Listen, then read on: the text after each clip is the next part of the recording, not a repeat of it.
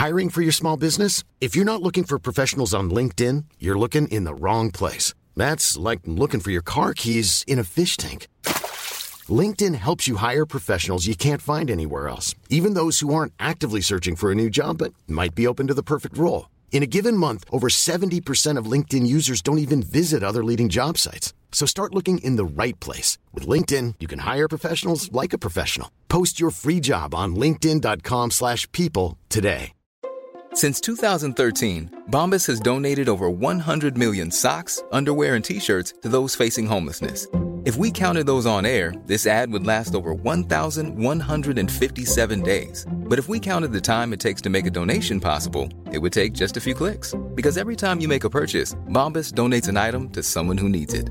Go to bombas.com slash ACAST and use code ACAST for 20% off your first purchase. That's bombas.com slash ACAST, code ACAST.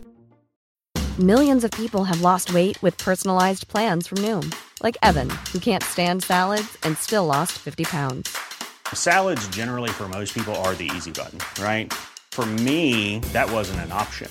I never really was a salad guy. That's just not who I am. But Noom worked for me. Get your personalized plan today at Noom.com. Real Noom user compensated to provide their story. In four weeks, the typical Noom user can expect to lose one to two pounds per week. Individual results may vary. Posisjonen kommer seg nydelig unna, dessverre nå på det på duellinja. Inntil Leo Kornic spiller gjennom og der er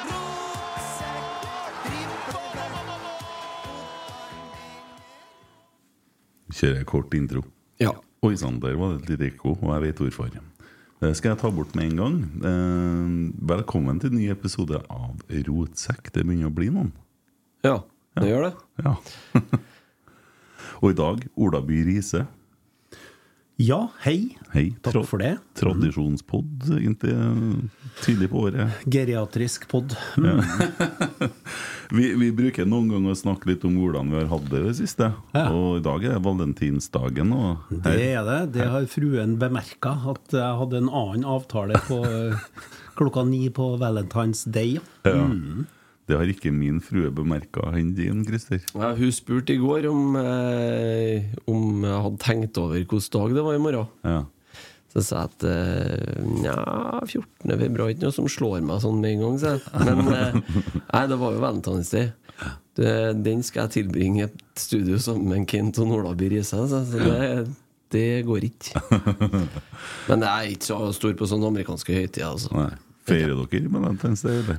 Ja, ja, altså, det er jo Man må jo bruke de markeringene som, som er der, men eh, man må si at når jeg og fruen møttes, så var det ikke noe som hette det. Nei. Det var ikke så mye som het halloween ellers, så vi har fått en del sånne ting inn fra uh, from, from the States. Jul hadde vi fått. Jul hadde vi Ja. Nei, det var midtvintersblot den gangen. I førkristen, hedensk tid, når Ja, ja. jeg var vokst opp. Ja, når man gikk til det valla og Ja, ja, ja. Det, Ja, det er en stund siden det, da. ja. Nei da, vi, så vi, vi overlever det der, ja. Ja. Hyggelig å være her. Jo, det, jeg syns det er veldig hyggelig at du er her òg. Og så er jeg litt urettferdig at Valentine's Day kommer bare noen få dager etter morsdagen. Jeg synes jeg jobber overtid på morsdagen. Jeg. Jeg klarer jo ikke to sånne på ei uke, tenker jeg. Nei. Det ble hardt, ja. Ja, og så skulle egentlig Valentine's Day skal ligget inn mot helg. Ja. Fast. Ja. Ja. ja. Kunne jeg gjort. Mm. Ja, det kunne vært greit. Mm. Ja, Hvordan går det med deg for tida, da? Du, bortsett fra at jeg skrangla rundt med influensa og bihulebetennelse etterpå, så kan ikke jeg klage på noe. Nei. Men man blir litt sånn lei av sånn Ibux-perioder. Jeg er ikke- jeg er ikke så god normalt på Ibux. E Ellers er alt fint. Ellers er alt fint. Det er kommunedirektør og vært noen kanskje møter med valgkomiteen òg? Ja, ikke valgkomiteen i kommunen, regner jeg med. Men Nei, i- eh, så møter er jeg nå stort sett i hele tida, så det får jeg nå nok av. Men eh, jeg har nå hatt møte med valgkomiteen, som de fleste har. Mm. Ja. I, For to år siden så satt jeg og nesten trygla og ba om at Jeg mente jo du var den perfekte styreleder. Jeg vet ikke om du husker det. Og da satt jo du og visste at du skulle eh, var foreslått innstilt til styret. Det, Ja. det var en god dag, syns jeg. Det, Ja. du husker på at jeg har et liv, livslang erfaring med å holde kjeft om ting som man ikke skal eh, sende ut på lufta. Ja, ja. Så, det, så det var ikke vondt ment. Nei, jeg tar det ikke personlig. Men eh, styreleder hadde eh, aldri latt seg kombinere med den jobben som jeg har i dag. Nei, En styreleder i Rosenborg må være dedikert, 100 kunne slippe det som, som man har i hendene. Mm. Og jeg har en voldsom respekt for dem som nå i eh, over lengre perioder har vært styreledere i Rosenborg, og som legger sjela si i det, og som kan, kan gjøre det. Mm. Det ble brukbart mye møter på styret i fjor òg. Det var veldig mange møter, og vi hadde jo møter utenom møtene òg. Ja. Så um, det har, det har tatt veldig mye tid, men det er klart at det har jo vært en viktig periode for klubben. Det har vært eh, sammenslåing. Det har vært eh, endringer i administrasjonen pga. folk som har slutta. Det har vært uh, trenerbytter. Det har vært uh, Ja, det har vært veldig mye sånn ekstraordinært som, som man hadde sluppet hvis alt hadde glidd enkelt og greit. Du har jo opplevd perioder hvor ting ikke har glidd så bra før òg, skjønte jeg. Ja da, vi sa vel litt for sending at jeg har opplevd at Nils Arne Eggen fikk inndratt kredittkortet på en eh, betalingsautomat på gamle Fornebu, Mm. for at kortet var overtrukket med 350 000. Så det har vært perioder også i, eh, i gammeltid at eh, det har vært eh, Man må snu på skillingen. Så det går litt i bølger, det her. Ja. Ja, og vi har vært altså Fjoråret det ble jo ganske tungt. Og ser for meg det å sitte i den rollen som du gjorde. Og Christer er jo valgkomitémann, så det er jo det er ikke alt du kan delta i av samtaler her. Nei, bare fyr i vei, da. Jeg koser meg. Ja, eh, Og så kommer jo sommeren, og man bestemmer seg for å endre kurs. Det er brutale ting, det òg. Ja, det er det. Og så er det litt sånn at uh, når man sitter i styret i en klubb som Rosenborg, og så kan man jo ikke ut og skravle om alle detaljer og løfte ting ut. Man må være lojal innad i styret. Og så er det demokratiske prosesser, og så trenger vi ikke å være enige hele tida. Det kan være eh, et, et flertall som mener noe, og et mindretall som mener noe annet, men så står man samla om det utad. Så eh, jeg er vel med min bakgrunn både som spiller og trener, er vel eh, ikke så veldig glad i at vi skal drive og, og kvitte oss med folk som klubben har ansatt. Så det er nå mitt sånn grunnleggende syn på eh, Og det handler også med at uh, av og til må du gjøre endringer, men kontinuitet har vært en suksessfaktor i Rosenborg. Altså at ting har fått virka over tid. Eh, og det er jo ingenting som er så dyrt som å bytte trener.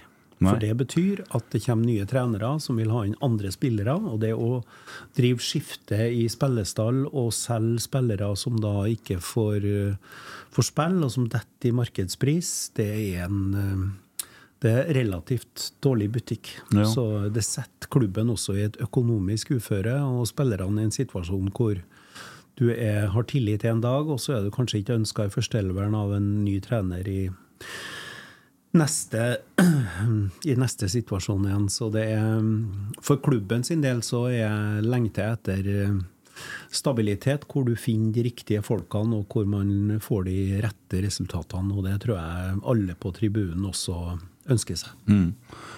Ja, skal vi se. Eh, Jeg tenker jo på det at uh, du går jo da videre inn i den verden med at du blir valgt til å være med i det trenerutvalget, da. Eh, som blir Det blir jo på en måte Det er masse styremøter, men du eh, du får jo ikke noe mindre da når du blir med i det utvalget også, men da er du jo med å kunne påvirke akkurat det med kontinuitet. da.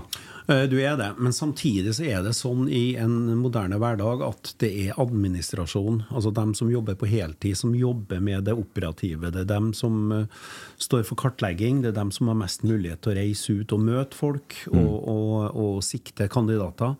Og så vil jo vi som er i, eh, som er i det såkalte trenerutvalget, er med i en innspurt.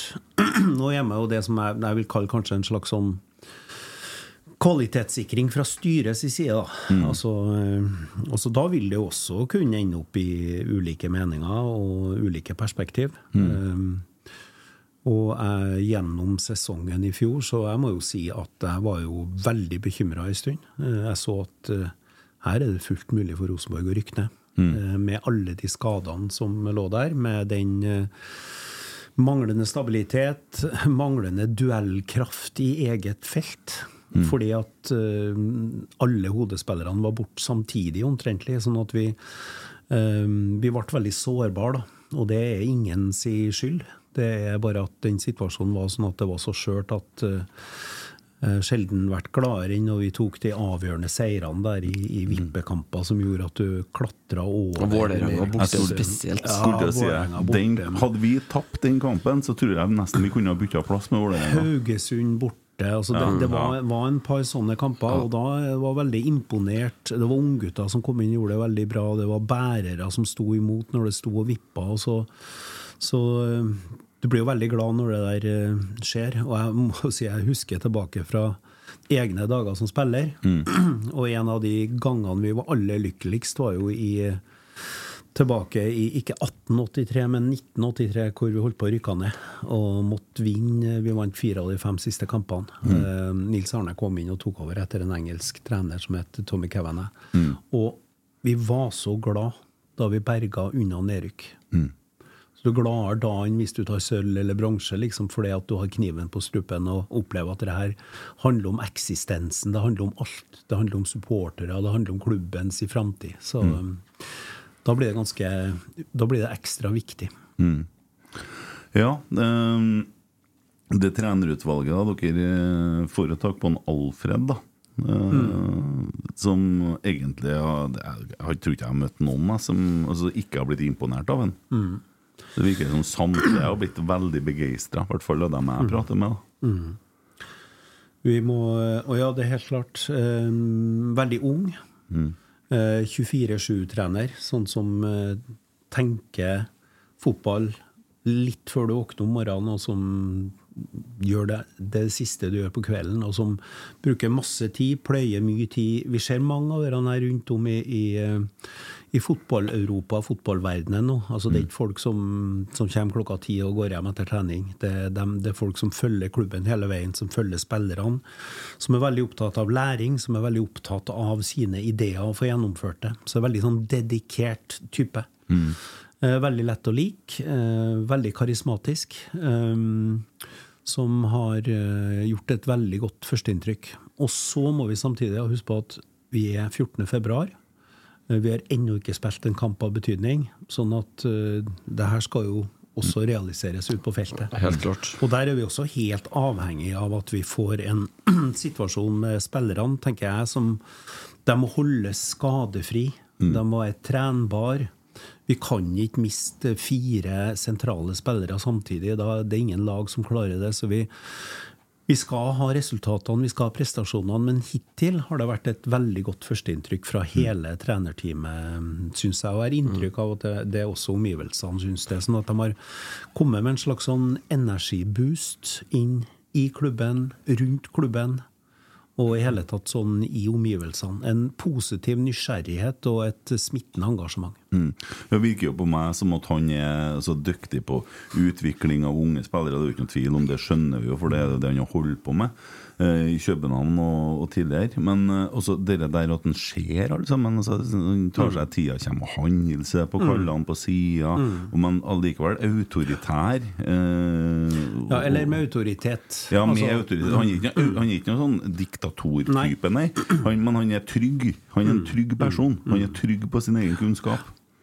Eh, så det, det er veldig sånn overbevisende. Da. Det er jo en sånn dreining egentlig skjer i, i store deler av Europa. Det der nå med den yngre garde trenere som kommer opp til Nestrup i København, Nagelsmann til ikke til Serbi i Premier League. Ja, Guardiola er også Ja, en sånn type. sånn type, og det, samme type. det er jo mange av dem som nå kommer opp, som, som gjør det faktisk veldig godt. Mm. Som er en, er en sånn type Men så må vi samtidig si at altså, jeg syns Svein gjorde en helhjerta jobb som trener inn. Veldig dyktig på 4-3-3. Eh, veldig klare tanker om hvordan ting skal gjøres, og la alt det som han kunne, inn. Og så Samtidig så er det noe med Trond Solli snakka en gang om at det handler om timing i fotball. Og det, Av og til så er man heldig med tidspunktene, og av og til så er man mindre heldig fordi at du er i en skadesituasjon som gjør at du har én frisk midtstopper, og vedkommende er egentlig ikke blant de tre første valgene. Så da er du nødt til å, å, å sette sammen på en annen måte. Så, så vi må passe på i Rosenborg at vi, at vi takker folk for en jobb som, som gjøres, og som er god, sjøl om de går videre og det kommer noen nye inn. Den rausheten må vi hele tida, og den anerkjennelsen er det viktig at vi gjør når folk som vi om i sted, når folk gjør 100% og er dedikert og legger jernet i ting, så er det viktig at du husker på å si, og anerkjenne akkurat det Og som folk gjør. Svein gjorde jo én ting til, i tillegg til å på en måte berge oss gjennom. da Han starta jo på en måte ei dreining og kurs Mm. oppi det der samtidig. Så han fikk, du fikk på en måte Ja, to store oppgaver på en gang. her. Og det kom jo inn Det begynte jo å slippe til unggutter. vi har vi jo sett ekstremt mye unggutter. Jeg blir jo ekstra glad. Altså Det blir jo litt som når du ser eh, Pep Guardiola når han slipper til tenåringer på Liverpool-laget midt ute på koket på, på Anfield. Altså Hvor lykkelig treneren er når han klarer å få frem nye, lovende spillere. Og det tror jeg er den aller viktigste nøkkelen til Rosenborgs framtid. Det er at vi slipper til de unge spillerne, lar dem få tillit. Da utvikler de seg. Plutselig blir de attraktive for å gå til andre klubber på det riktige tidspunktet, til den riktige summen. Og alle ungguttene som vurderer hvilken klubb de skal gå til, de tenker at Rosenborg gir unge spillere tillit. Det er en fin plass å utvikle seg på. Mm. Det var bare å se tilbake til fredagen og målskåreren. Husker du hva han heter? Han som Ja, ja, matchvinneren? Sigurd Sæverås. Ja.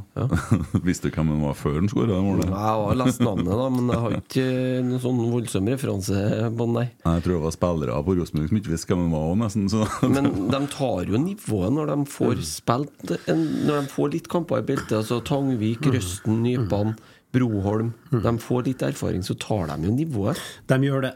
Og så må de da samtidig Hvis du hiver inn på bare unggutter, ja, så blir det urettferdig, for at da har de ingen å lene seg på. Mm. Og det er klart at den imponerende sesongen til en Sverre Nypan hvor da han på en måte må stå i det også når For at det vil jo svinge til unge spillere, Mm. men hvor det er helt nødvendig at han er der.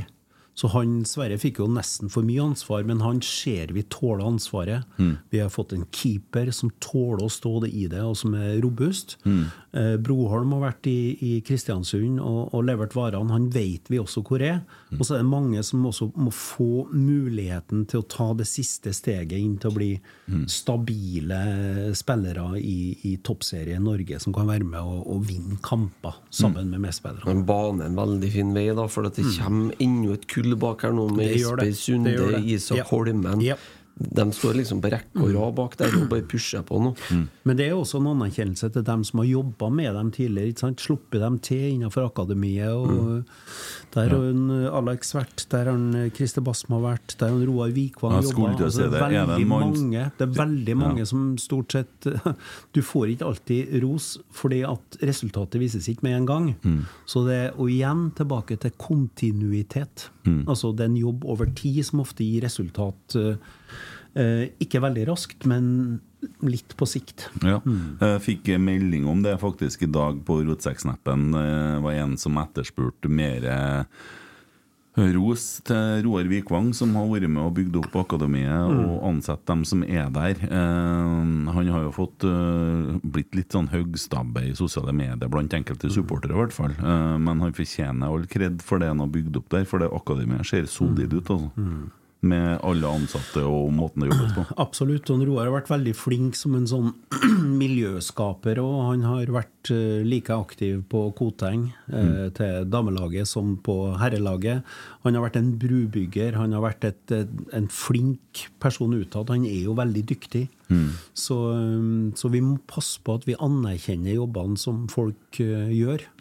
Eh, og eh, jeg er heller ikke så veldig glad over de lettvinte slaktinga og ironi av folk i sosiale medier. Det, er- det er ikke noe spesielt oppbyggende, egentlig. Det er ikke noe rart om veldig mange sliter med sjøltillit og eh, utfordringer. Vi har eh, utfordringer i masse ungdomskull nå eh, rundt mental helse og det å oppleve å være fornøyd med livet. Og det er klart at hvis du da kikker på Rikets roast i VG og krydre med de mest spydige sosiale medieinnleggene, så er det klart at å samtidig bare se på sosiale medier hvor alle har pynta på bildene sine og ser veldig veldig vellykka ut, så eh, ender det opp med et ganske sånn dårlig eh, sjølbilde i sammenligna med alt det der. Så ja.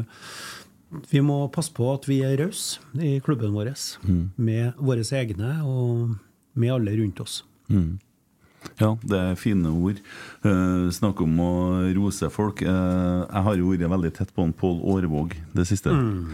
Eh, bare de, de siste dagene har vært så full av inntrykk, og jeg er jo heldig for at og jeg tror Jeg snakka med en Geir Island i dag, han som har ansvaret for vakthold, og som er frivillig. Han, jeg tror han skal begynne å hjelpe RBK2 litt mm. nå. På, på frivillig basis. Og jeg sier det at er det noe klubben trenger nå, så er det at folk på en måte stiller opp og, og bidrar der man kan. Og på mandagen nå skal du høre, da var jeg med og trena sammen med gatelaget. Vet du, Så De har bra. tatt så store steg. Det er også sånn kvalitet på det som foregår der. Det er så god stemning at det, det er en fryd å bare få Pål ville ha meg med litt som voksenperson, og, sånn, Ja, og så er jeg jo og trener på tilrettelagt fotball. Så det gjorde jeg i går kveld. Eh, og det, det er jo rørende. Det er rørende historier. Og du ser hva Rosenborg bidrar til. Til samhold. Uh, det at de opplever mestring, og det at de o- opplever noe sammen og begynner å spille hverandre god. Det er enkle ting, men det fungerer så godt. Tidligere på dagen så hadde jeg fått spørsmål om å komme og spille på aldersheimen på Risvollan. Rosenborg-konsert. Ja, ja, ja, ja. Og da Så bra. sitter gamle kaller og skriker for at jeg spiller Rosenborg-sanger, for de er så glad i Nils Arne Eggen. Ja, så- Der satt det en mann som var Ja, han, han har ingen pårørende. Nei, Jeg fikk meg ei Rosenborg-skjorte fra Jørgen, signert, vakkert. og, og fikk gi den etterpå. Eh, det var òg eh, en veldig sterk opplevelse å se hva det betyr der. Og da er vi på senioravdelinga. Det der er kjempeflott å høre. Pål Aarvåg gjør en fenomenal jobb. Altså, Den inkluderende, rause Rosenborg, det er jo det her helt i tråd med verdiene i klubben. Og det at du drar rundt og spiller, det er jo fantastisk. Jeg er jo jeg har jo mye med seniorkultur i Trondheim kommune å gjøre, i jobben min, så jeg vet jo hvor viktig det er at dem som da bor på sykehjem, dem som er i en sånn situasjon og har en ganske sånn ensom hverdag, at, at det kommer noen, at det skjer noe, at det er noe å snakke om.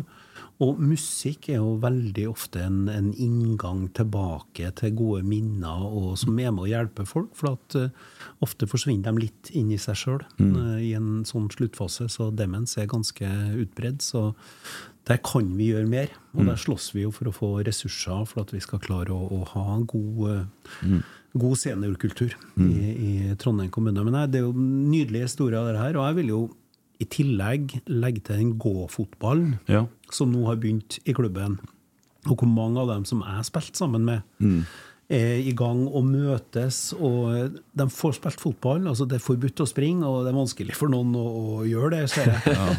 Men samtidig, det er miljøskapende. Det gir en sånn vi-følelse. Det er akkurat den følelsen som man har som supporter når man står på tribunen. ikke sant? Vi snakker om vi. I dag vinner vi. Eh, Det er jo den følelsen som spillerne har når de er nede på banen. ikke sant? Og når du står oppnådd et eller annet, eller takker supporterne. Du har fått til et eller annet, og det er vi-følelsen. Og det er en utfordring i samfunnet i dag at for mange detter utafor. Ja. Så utaforskap er en kjempeutfordring, og alt vi kan gjøre av innaforskap med Rosenborg-logoen, som, som gir noe til folk rundt, og inkluderer folk, det er nydelig. Ja. Nydelig. Og, og det er jo det dere så For at jeg er tilbake igjen i dag sammen med Pål og dem, da, og Arne. Mm. Må nevne Arne Mm. Eh, og, og da er det akkurat det. Som skal fram. først sitter vi i garderoben, så Mm. prater jeg guttaprat. Garderobekultur på gatelaget. Sånn er jeg tilbake og er med dem igjen i dag. Tredje treninga på tredje dagen, og jeg er helt død. Mm. Eh, men det er nå så. Og så holder de jaggu meg på å planlegge og skal gå Birkebeineren, den gjengen. For de trener så mye at de begynner å Og da er de og trener på ski om kveldene. Og Du skal så- være med der, du, eller? Nei, det, det skal ikke jeg. Men, og så kommer en Magne ifra Rosenborg gå og er med og hjelper til på treninga.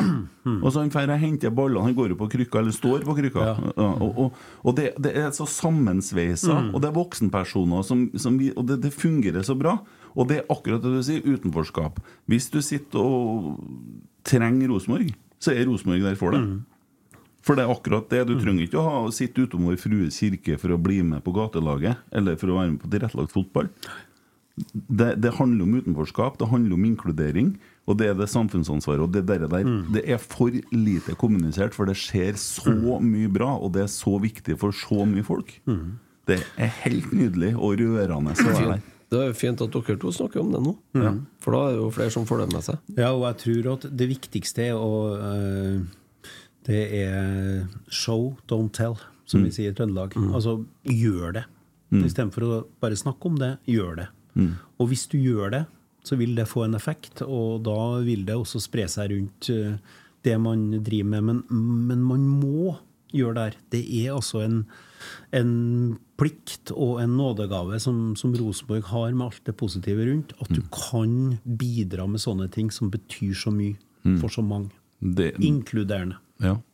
Når du snakker om kultur og sånn, altså eh, Det er nesten litt sånn ærefrykt, vet du, for at du er jo kanskje den som kan mest av, av levende mennesker om Rosenborg-kultur og, og på en måte den det som preger, har prega Rosenborg i den lang, Hvis du strekker ut perioden av den lange gullperioden, hva er det på, altså, hva mangler for at Rosenborg skal ta steget til, tilbake sånn rent sportslig, sånn kulturmessig der? Det er et vanskelig spørsmål, kanskje? Men, Ja, det var, en, det var en voldsom innledning, som om liksom eh, Det er som får å bære på de ti steintavlene til en eh, Moses. Nei, det er jo ikke det, men men, jo- men jeg, jeg har jo fått lov til å vært med på ei reise. Det har jeg vært, og jeg tror det er mange faktorer. Vi har vært innom det med kontinuitet. Altså, du må jobbe med det som du tror på, og la det virke over tid. Og så må det tas eierskap hos dem som skal utføre. Det er ikke noe vits i at treneren mener noe hvis ikke eh, spillerne er enig i at det er måten man skal løse det på. Det er ikke dukketeater å spille fotball. Nei. Eh, Men det handler om å bygge opp en læringskultur. Det handler om å bygge opp en treningskultur. Det handler om å bygge opp eh, Det handler om å bygge opp ei spillegruppe med komplementære ferdigheter, og la dem få lov til å utvikle ting sammen. Ta eierskap til det som er grunnfilosofien. Og så er det det som når jeg skrev min master, og den eh, tror jeg tåler undersøkelse Ja, ja. kanskje bedre enn sånn statsråds...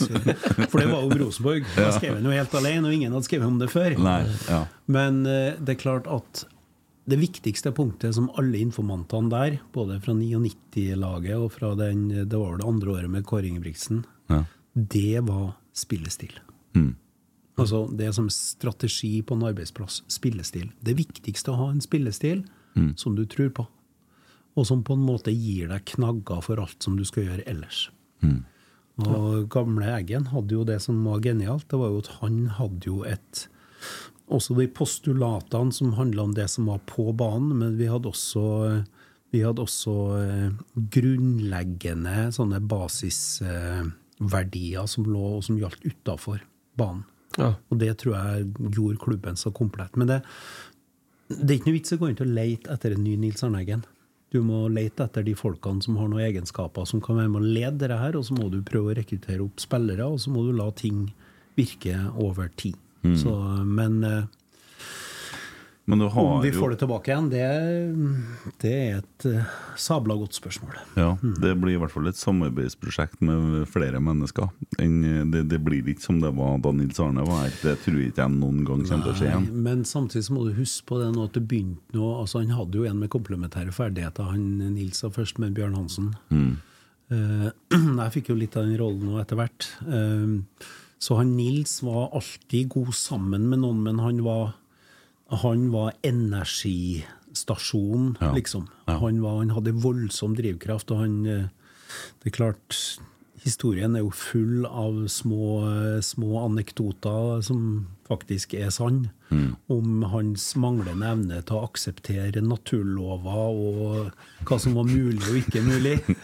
Eh, og det er jo, Der var han jo helt unik, så han trodde jo at det gikk an, det som ingen andre trodde gikk an. Mm. Husk på at når jeg kom inn i landslaget, bare en sånn lite sidespor, så det første som du lærte å forstå, det var at et norsk landslag kunne aldri komme til et sluttspill. Men det gikk an å, å vinne enkeltkamper mot, mot bedre motstandere. Og så var det stas å spille på landslaget. Men ingen som var der, trodde at du skulle, skulle nå et sluttspill. Så det handla om en mentalitetsendring, og der var jo Drillo helt fenomenal. For han kom inn og liksom sa at Lov meg at dere tar England på alvor, liksom. Det var sånn på bortebane. Så det sant. var en annen innstilling til at Ja. Ja, men hvorfor skal vi ikke klare det? Mm. Og akkurat den innstillinga hadde Nils òg. Altså, hvorfor skal vi ikke Hvorfor skal vi ikke angripe på bortebane her? Mm. Vi, dere er jo bedre enn dem. Sånn at det handler om å tro at du skal få til noe. Hvis du ikke tror, så får du ikke til det. Men du må ha virkemidlene. Og virkemidlene er også i en stor grad en prestasjonsgruppe som skal ut og levere. Men de må ha retningslinjer, og de må jobbe med dem over tid. Mm. Uh når du snakker nå, så tenker jeg på at vi, det blir jo lagd en strategiplan. Eh, den har jo styret jobba en del med òg, og du har sikkert vært involvert litt i Ja, det sportslige. supportere har vært involvert, og administrasjonen har vært involvert, og sponsorer, samarbeidspartnere har vært involvert. Så veldig mange har vært inn og jobba der. Og da får du også det felles eierskap som du er nødt til å ha til det. Men der, der forsøker man jo på en måte sette i system en kultur og en måte å, å, mm. å drifte på, både sportslig og på andre måter. Uh, så det blir jo på en måte en liten masteroppgave etter uh, alt vi har lært der òg. Så det, det her, her er eh, på en måte en slags Jeg vet ikke om jeg skal si fasit, men et forslag til, til en vei å gå. da Eh, og der er det jo òg Så jeg orker ikke å tenke sånn tabloid nå i forhold til trener bestemmer og sånne ting, men det er jo noe med det at klubben tar litt mer eierskap til hvordan ting skal se ut. Jeg tror at det viktigste For det første, det, er altså det Nils Arne var ekstremt god på, det var å fange opp andre sine ideer og sette dem inn i sitt system. Altså den flytsonemodellen, at du må ta utfordringer som matcher ferdighetene, og på den måten med å øke utfordringene, så utvikla du ferdighetene. Den modellen den fikk han jo fra en fyr som heter Chiksint Mihai, men han fikk det via Kjell Skau Andreassen. Men han Nils Arne brukte det ut på banen, brukte det i praksis, satte det ut i livet, sånn som han gjorde med mange andre ting. Eh, og han, han tok eierskap til det og ramma det inn og levde det ut på banen. Og det er jo det som er helt avgjørende med Du kan lage deg en strategi, og så kan du legge den nederst i skuffa, så ingen som husker på den, for de skal, de skal bytte ut skrivebordet. Men du må leve en strategi. Du må praktisere den. Dem som er i klubben i sentrale roller, og ikke minst dem som skal ut og prestere, de må ha et eierskap til det, og de må videreutvikle og, og gjøre det om til aktiv handling. Det er på sånn måte man får planer til å leve. Jeg, jeg tenker litt sånn at eh, det har jo vært et eh, spesielt kanskje de siste Etter en Kåre gikk, da, så har det vært et veldig høyt konfliktnivå i og rundt Rosenborg. Jeg tror det her kommer til å være med å bidra til å samle klubben på en helt annen måte. Fordi du nevner jo alle dem som har vært involvert. Um, så har man på en måte bestemt nå at Rosenborg skal være Rosenborg, både på banen og utenfor Ja. banen. Utenfor banen og skal være en rød tråd gjennom ting. Og så kommer det jo eh, Kommer det jo litt mer utover våren her, om mer utenfor banen, som en Tore nevnte tidligere her i, i februar. Men jeg tror jo òg det at det er veldig mye lettere for omgivelsene, kanskje minus da mediebiten, da, som alltid skal, skal gå etter trenere uansett. Men eh, supportere, eh, om det er Øvre Øst, veteranlaug, hva det nå er for noe, så er det mye lettere å samle seg rundt noe man har vært med på å bestemme sjøl, noe man har eh, trua på. Sånn at for den vinglinga som har vært da i den, Da har det vært sånn annenhver gang at Jeg vet hva, det er jo ikke det her vi vil ha. Det her har jo ikke noe med Rosenborg å gjøre. Sånn sitter folk da. Ja. Og så nå har man på en måte banka ned noen klare eh, statutter, er det det? Det kan det hete. Ja. Så jeg tror det der kommer til å, å At folk blir mye mer tålmodige nå. Og så tror jeg veldig mange har fått seg en realitetssjekk om hvor er faktisk Rosenborg hen. Det siste tror jeg er veldig viktig. Og så er det sånn at bare det som du var innom nå, Kent, om at klubben skal være sjef, klubben skal bestemme. Oppi mitt hode så er det sånn at klubben skal leite etter trenere som passer til klubbens strategi og filosofi, ikke motsatt. Man skal ikke gå ut og hente noen tilfeldige trenere, så kommer de inn, og så viser det seg at de har en helt annen filosofi, en helt annen måte å tenke på, enn det klubben opprinnelig har. Og så må klubben tilpasse seg treneren. Men når du har henta en trener, så kan ikke noen i klubben, verken i styret eller administrasjon, sitte og bestemme hvem som skal spille venstreback. Eller om vi skal ha en på høyresida som skal gå innover eller utover. Det må treneren bestemme. Treneren er arbeidsleder og sjef for den prestasjonsgruppa som er der. Og så må treneren ha backing. For når du først har valgt deg en trener og ansatt den treneren, så må du stå bak den treneren. Og da er du medansvarlig for at det her lykkes. Ja, det, det der er veldig fint at du sier, for at det gjør det nok oppklarende for en del. For man har nok kanskje fått bilde av at det sitter noen på brakka da og bestemmer. Men altså, man finner en som passer inn i den forma, og den forma er jo ikke den er jo ikke så stram at det er umulig å bevege seg innafor der. Det er bare at det skal passe i den strukturen man har lagt opp til. Og det, det er faktisk bra at det blir nevnt, det, tenker jeg. Ja, men når du ser på en eh, Ta en, eh, Alfred Johansson eh, nå, da, som, eh, som er i dag, så nikker jo folk anerkjennende når de hører hvordan han prater om fotball, hva han ønsker for noe. Og så kan jo ta Det kan jo ta fire uker til, det kan jo ta fire måneder til, eller det kan jo ta et år til før han får det ut i praksis. Men det han ønsker, det er jo, nikker jo folk anerkjennende. Det her er- det rimer med Rosenborg. Alle jeg har snakka med, sier det. Og Og da har man truffet Da har man i utgangspunktet mm. truffet på bestillinga.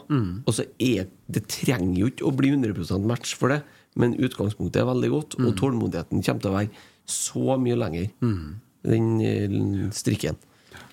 Ja, så og det, det handler jo litt om altså, eh, Hva skal jeg si Når tapene kommer, så er det noe med måten man taper på, Ja. kan du si. Uh, men uh, Nei, jeg syns det ser uh, veldig lovende ut, bortsett fra første omgang mot Ålesund. det var Men som Alfred sa så bra etterpå, det her var òg et steg, for det er ingen kurve som er går bare strakt opp. eh, og, og noen av stegene er faktisk bakover, men det er også steg. Og så skal ikke vi glemme at vi vant tross alt kampen. da. Allikevel. Ja, Allikevel. ja vi gjorde ikke det i. Skal vi ikke gjøre en jingle nå, eller? Ja, hva du skal til med nå? Skal du begynne å servere spørsmål? Nei, det var ikke den jeg tenkte Nei, du skulle ha torsdagsbikkja. Ja, men han har sendt inn så mange. Å, har det? Du, Da skal jeg ta en her, for jeg har fått en fra Heinz Andreas Maier. Ja. Spørsmål til Ola. Eh, den kulturelle skolesekken er et fantastisk tilbud for grunnskoleelevene i Trondheim kommune. Sekken er full av skatter. Personlig savner jeg en ting i den skolesekken, og det er Rosenborg, et av byens mest kjente varemerker. Har kommunen vært i dialog med klubben for å se om det er mulig? Det vet ikke jeg, for Den kulturelle skolesekken ligger faktisk ikke på mitt eh, ansvarsområde. Det Nei. ligger på oppvekst og utdanning. Men eh, vi jobber jo eh, mye på tvers. Men eh, dialogene tror jeg går veldig på tvers. Og så kan det være Det kan jo være en sabla god idé, rett og slett. Da Altså at det tror jeg er vi oppfordrer en Hans til å sende inn det til Ja.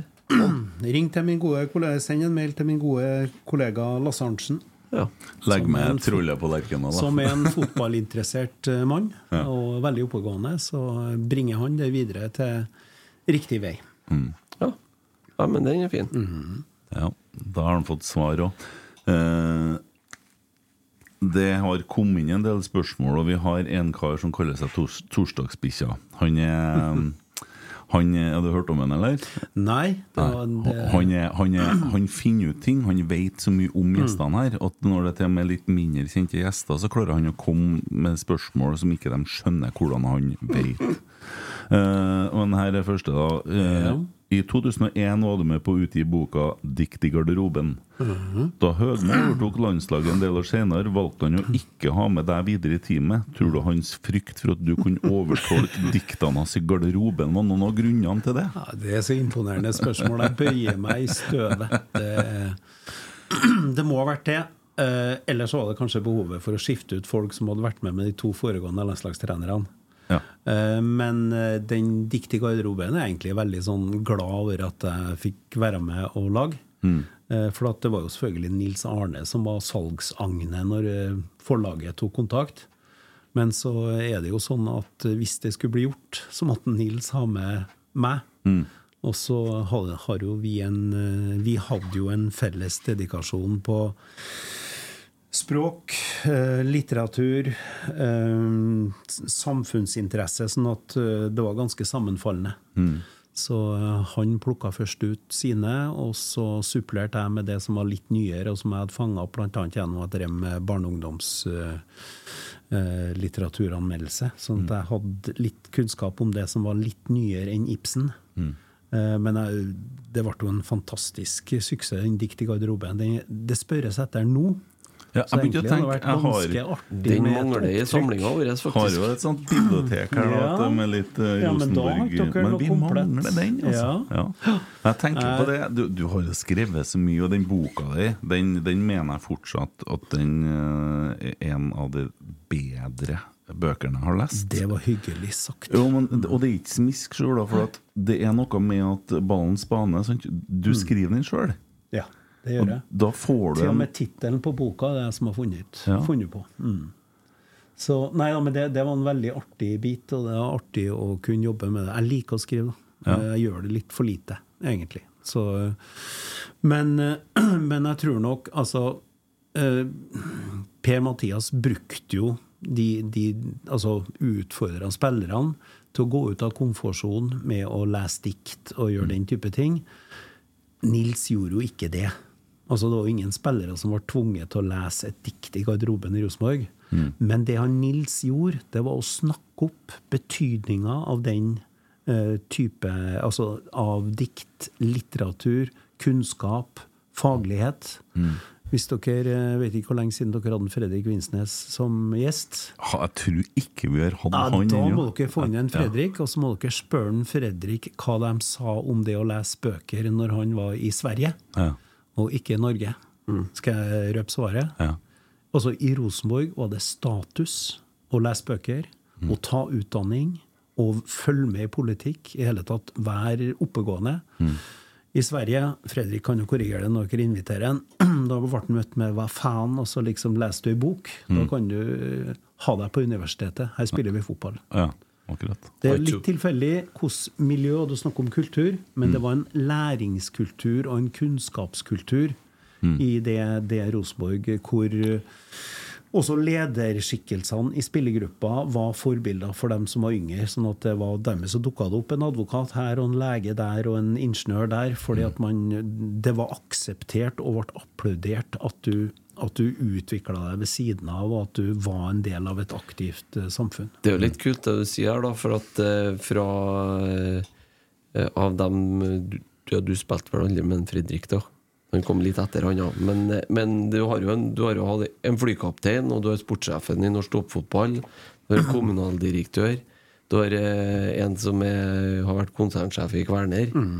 Så det, det er ganske mye bra jobber her etterpå. Ja da, vi kan, jeg tror hvis du setter sammen Det er vanlig å sette sammen lag med litt ulik sånn Ja. utgangspunkt. Det kan være artig å sette sammen et lag med, med folk som har uh, gått videre i andre, andre krevende yrker. Så det kan være en utfordring til en elver. Men, ja, ikke sant? Så, men savner du garderoben noen gang? Nå? Ja, det, det gjør jeg. Jeg ble eh, Jeg kjenner jo Svein Målen veldig godt fra før. Vi har jo jobba sammen i Ranheim, og, og, så jeg hadde jo en god dialog med han også når han jobba med A-laget i fjor. Og det å liksom bli invitert med inn i garderoben på spillemøter foran de internasjonale kampene, når jeg hadde muligheten til det, det var som å komme hjem. Altså, det er som om du er født inn i garderoben. Altså, det er som, eh, så, så det er noen ting som jeg kommer til på gamle gammeldagene, ordentlig gammeldagene, så kommer jeg til å tenke på hvordan opplevelsen var. Altså, jeg kom inn i garderoben på Lerkendal når jeg var, hadde akkurat fylt 16. Og garderobene var fysisk, fysisk sett det samme, men de er bygd om mange ganger. Men, men det er et eller annet med den eh, kameratskapet, sjargongen, eh, det at du skal utpå og varme opp sammen. Du vinner og taper på trening. Du er forbanna når du har tapt. Du er glad når du har vunnet. Eh, tonen, de vennskapene som er dypere. I hele tatt alt det her. Og den spenningsoppbygging til kamp og gleden etterpå, noen ganger skuffelsen altså det, det er klart man savner å være en garderobe og være en del av en garderobe, men bare det å få komme inn og, og fornemme hvordan stemninga var da, mm. Det var nesten sånn øye tåre- tårekroken- tåre i øyekroken. Eh, Ikke øye i eh, Tårekroken. Nei, i tårekroken. eh, tårekroken Du gjorde ikke sånn som en Nils, da. Brøyt inn på trening og sånn litt innimellom her i høst. Nei. Det, men jeg, da, da valgte jeg en mer enn Bjørn Hansen-tilnærming. Ja. Men jeg syns det var veldig artig å, å, å se på en del treninger. Se nye aktiviteter som blir skapt ut ifra bl.a. duellspill. Altså når, når man var for dårlig på duellspill. Altså at man lager en aktivitet med to mål tett sammen, hvor man skaper mange innleggssituasjoner med mange dueller og, og får frem kvalitet i bevegelser og i innlegg. Og også defensive klareringer. Altså, det er jeg veldig glad i. Altså, det er jo en del av meg som er spiller og trener resten av livet, ikke sant. Selv om du da sitter og jobber i en kommune. Så, så er det en del av deg som hele tida er der. Ja, det, det vil jeg jo tro. Når skjønte du at du ikke kom til å bli trommeslager, da? Det var eh, Nei, altså, du er en gang trommeslager, så, er Så har du spilt i ja. korps, så har du noe spilt slagverk. men du- men du er jo Du spilte i band en gang. Ja, da, og det er en par år siden nå hvor jeg skulle spille sammen med Men når jeg ikke fikk øvingstid, så trakk jeg meg litt ut. Å, Og det ja, er klart at, at Dieseldal skal starte å spille, Mm. og så skal jeg komme inn etterpå. Det er litt som skal inn for Ronaldo, altså. Sånn Ja. i sammenligning. Så, men det, det var veldig artig å spille litt sånn bare på, på lokalet og liksom kjenne For at du kjenner igjen sangene du har spilt. Ja. Og det, men men du, bli, du må jo øve for å bli god. Ja, Men Så- du spilte trommer når du var veldig ung. Men Ja. Spilte du fotball samtidig? da? Ja, ja. Så det var, men var det da bestemt at du skulle bli fotballspiller, eller kunne du ha blitt trommis? Jeg kunne blitt trommis, men hvor god jeg er blitt, det vet ikke jeg. Vi Ja, det handler jo om øving, det ord, Du. Steinar Krokstad, Ja, ja, ja. TNT, Ja, ja. eh, Åge. Ja. Han var jo keeper på Trond, tror jeg, Ja. så vi spilte jo mot hverandre. Ja. Han tok eh, trommeslageryrket litt lenger enn meg. Jeg tok fotballen litt lenger enn han. Ja. Sånn at eh, noe er tilfeldig, men noe går også på at jeg syns det var så vanvittig artig å spille fotball. Sånn at da måtte, da måtte, eh, måtte jeg ut av det bandet. Ja. Dere, dere har én ting til felles, Mm. eh, i hvert fall. Begge spiller for utsolgt Lerkendal. Ja, ikke sant? Ja. ja, for det gjør den Steinar Det neste år.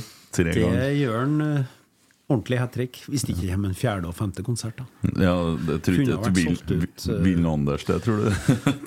Nei, det gjøres noe med gresset etterpå. Vet du, så det. Men jeg tenker at i en situasjon som vi er nå, så synes jeg det er genialt. For det første får han Åge spille på Lerkendal.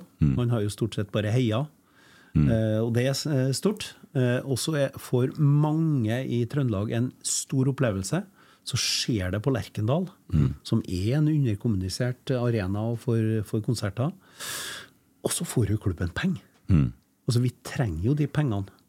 Det er det som var en Det som var 100 millioner på konto, det liksom havna i null. Ja, og Lerkendal vi skal bygge bruk- oss opp, så Det brukes jo for lite Lerkendal. Altså, det brukes jo 15-16-17-18 ganger ja, i året. det, det er jo Men det er klart at det krever noe. Du må legge et gulv. Det der vet jeg ganske mye om, for det der jobber vi mye med når det skal være konserter rundt om Eller, eller eh, arrangørene jobber med det, men du vet òg at det er en viss slitasje på underlaget. Og det, det er jo noe med det, men, men Lerkendal er jo rigga. Altså Mange store band drar jo rundt på stadioner og spiller. Det er jo bare i Trondheim at vi har, kan dra oppe i hopp skianlegget og ha konserter. Med grantrær i bakgrunnen og hoppere ut til høyre fra scenen. Så, så, men Lerkendal er helt enig med deg. Det er en eh, potensielt spennende arena også for det. Ja. I'm Sandra, and I'm just the professional your small business was looking for. But you didn't hire me because you didn't use LinkedIn jobs. LinkedIn has professionals you can't find anywhere else, including those who aren't actively looking for a new job but might be open to the perfect role, like me. In a given month, over 70% of LinkedIn users don't visit other leading job sites. So if you're not looking on LinkedIn, you'll miss out on great candidates like Sandra. Start hiring professionals like a professional. Post your free job on linkedin.com/people today. Hey Dave. Yeah, Randy. Since we founded Bombus, we've always said our socks, underwear, and t-shirts are super soft. Any new ideas? Maybe sublimely soft. Or disgustingly cozy? Wait, what? I got it. Bombus. Absurdly comfortable essentials for yourself And for those facing homelessness. because one purchased equals one donated. Wow, did we just write an ad? Yes. Bombas. Big comfort for everyone. Go to bombas.com slash ACAST and use code ACAST for 20% off your first purchase. Millions of people have lost weight with personalized plans from Noom, like Evan, who can't stand salads and still lost 50 pounds. Salads, generally, for most people, are the easy button, right? For me, that wasn't an option. I never really was a salad guy. That's just not who I am. But Noom worked for me. Get your personalized plan today at Noom.com. Real Noom user compensated to provide their story. In four weeks, the typical Noom user can expect to lose one to two pounds per week. Individual results may vary. Per Joar Sandvik eh, kommer med to tema som eh, er og blir ganske aktuelle framover. Hvordan stiller du deg til investorer, og var investorer først, da? Det var liksom dagens nøtter. Jeg kan bare minne om det at Kjernen har et arrangement på tirsdag eh, nå til kommende uke, er ikke det, Christer? Jo. Stemmer det. Uh, klokka sju på Fyrhuset, uh, Esedals pub og kjøkken, der man har invitert uh, Arve Gjelseth. eh, Arve Garberg fra BDO. Arve Gjelseth er jo professor i, på NTNU forska på fotballsupportere. Kan mye om supporterkultur. Ja, Og så kommer Lars Johnsen fra Jossimar i tillegg. Han har skrevet dekt norsk fotball veldig tett.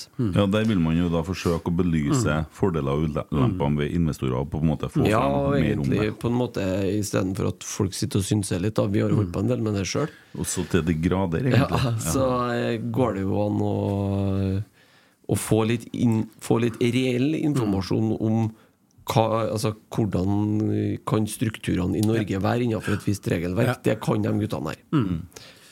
Så det er veldig, bra. Altså, de to spørsmålene som stilles der, er jo såpass sentrale. Jeg tror du kunne hatt ei sending om det ene og en ny sending om det andre.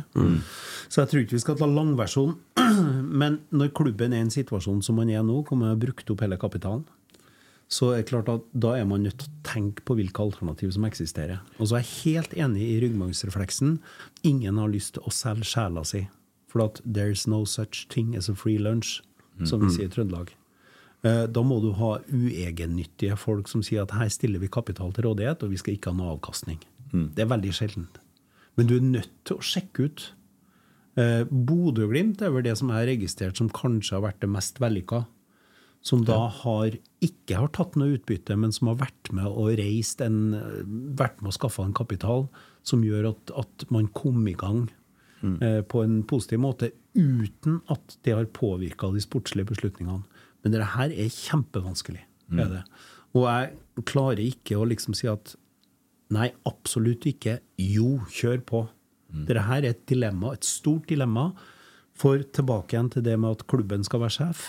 Klubben må være sjef. Du kan ikke ha det som i Vålerenga, hvor det blir noen som er litt interessert i fotball. Altså, jeg kjenner ikke Trøy meg, men du får jo et inntrykk av at du vil inn og Når du betaler, så vil du inn og påvirke. Og det gjelder jo for veldig, veldig mange.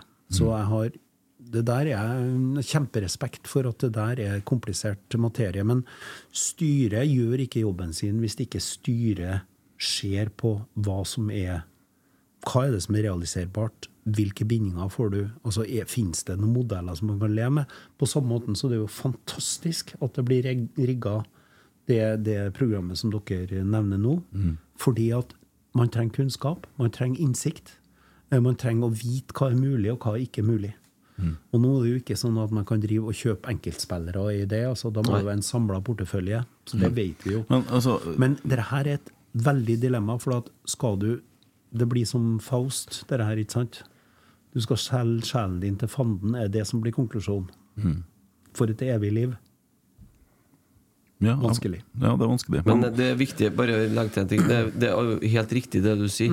Fordi at et styre i, i en klubb som på en måte har brukt opp kapitalen, de er nødt Det er deres eh, forbanna plikt, unnskyld å si det, bruk det ordet, å sjekke ut mulighetene.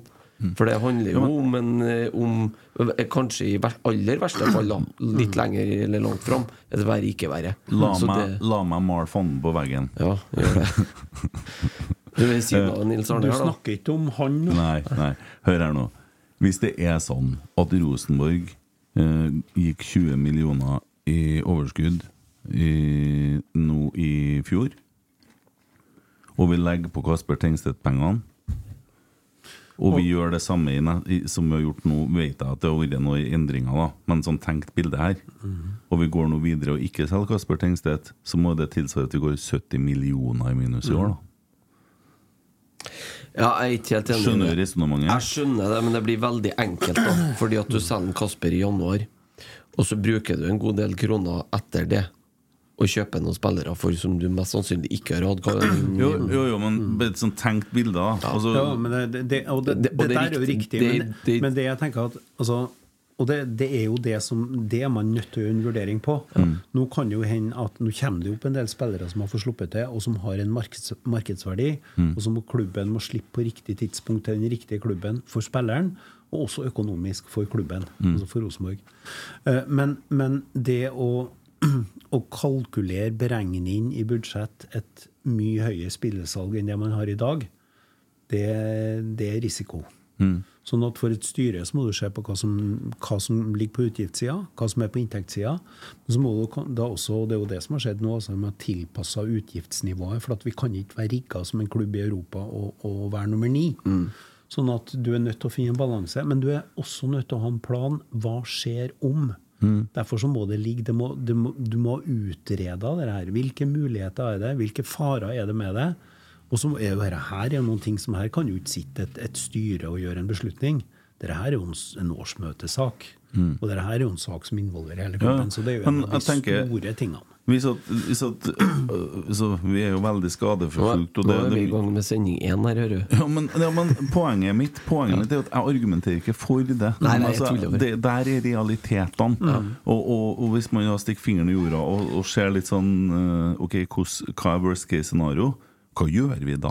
Og, og det må man jo tenke på. I hvert fall må jo dere tenke Ja, ja. på, som sitter på det rommet du sitter. Jo, og vi er nødt til å se på Derfor så er jo Der har administrasjon- administrasjonen sett på flere muligheter. Ikke sant? Og det med konsert det er jo en av de tingene som var diskutert. Ikke sant? Sånn at det er, Man er nødt til å se på hvor kan vi øke inntjeninga, og hvor, hvor må vi eventuelt ta ned det som vi har på utgiftssida. Ja. For Jeg kunne fortsatt vært er den klubben øh, med størst, med størst budsjett. Ja, ja. Og sånn er det jo ikke i praksis i det vi leverer på banen. Nei. Jeg kunne jo vært tatt honoraret jeg fikk i går på Aldersheimen og levert gave til Rosenborg og hjulpet til litt. Det var sånn eske med melkesjokoladehjerter og en blomsterbukett. Det er alle måneder drar. Du, det syns jeg faktisk du hadde fortjent. For Ja, ja. sikkert du gleda mange. Nei, men vi må hjelpe klubben. tenkte Jeg Jeg tuller bare. Uh, var ja. Uh, der skal jeg være veldig ærlig. Uh, jeg syns at VAR er vanskelig. Jeg er ikke mot eh, framskritt. Jeg er mot at man skal få vekk eh, For det første så har det vært mange år med filming hvor du blir sliten ikke sant? rundt om i Europa. Mange land som har kultur for filming. Det at det er så god dekning, altså kameradekning da, primært, det gjør jo at man får bort filminga. Og når man kobler det mot en dømming, så er det fint. Men VAR har noen store svakheter. For det første, måten, måten det praktiseres på, er, er Altså, det blir fortsatt overlatt til skjønn. Det er bare at man bruker himla mye lengre tid på å, å utøve det skjønnet. Og så tar det vekk opplevelsene for to helt avgjørende grupper. Det ene er eh, supportere. For at du tør ikke å juble på tribunen før avsparket har gått, for da er du sikker på at ikke VAR kommer og tar i Mm.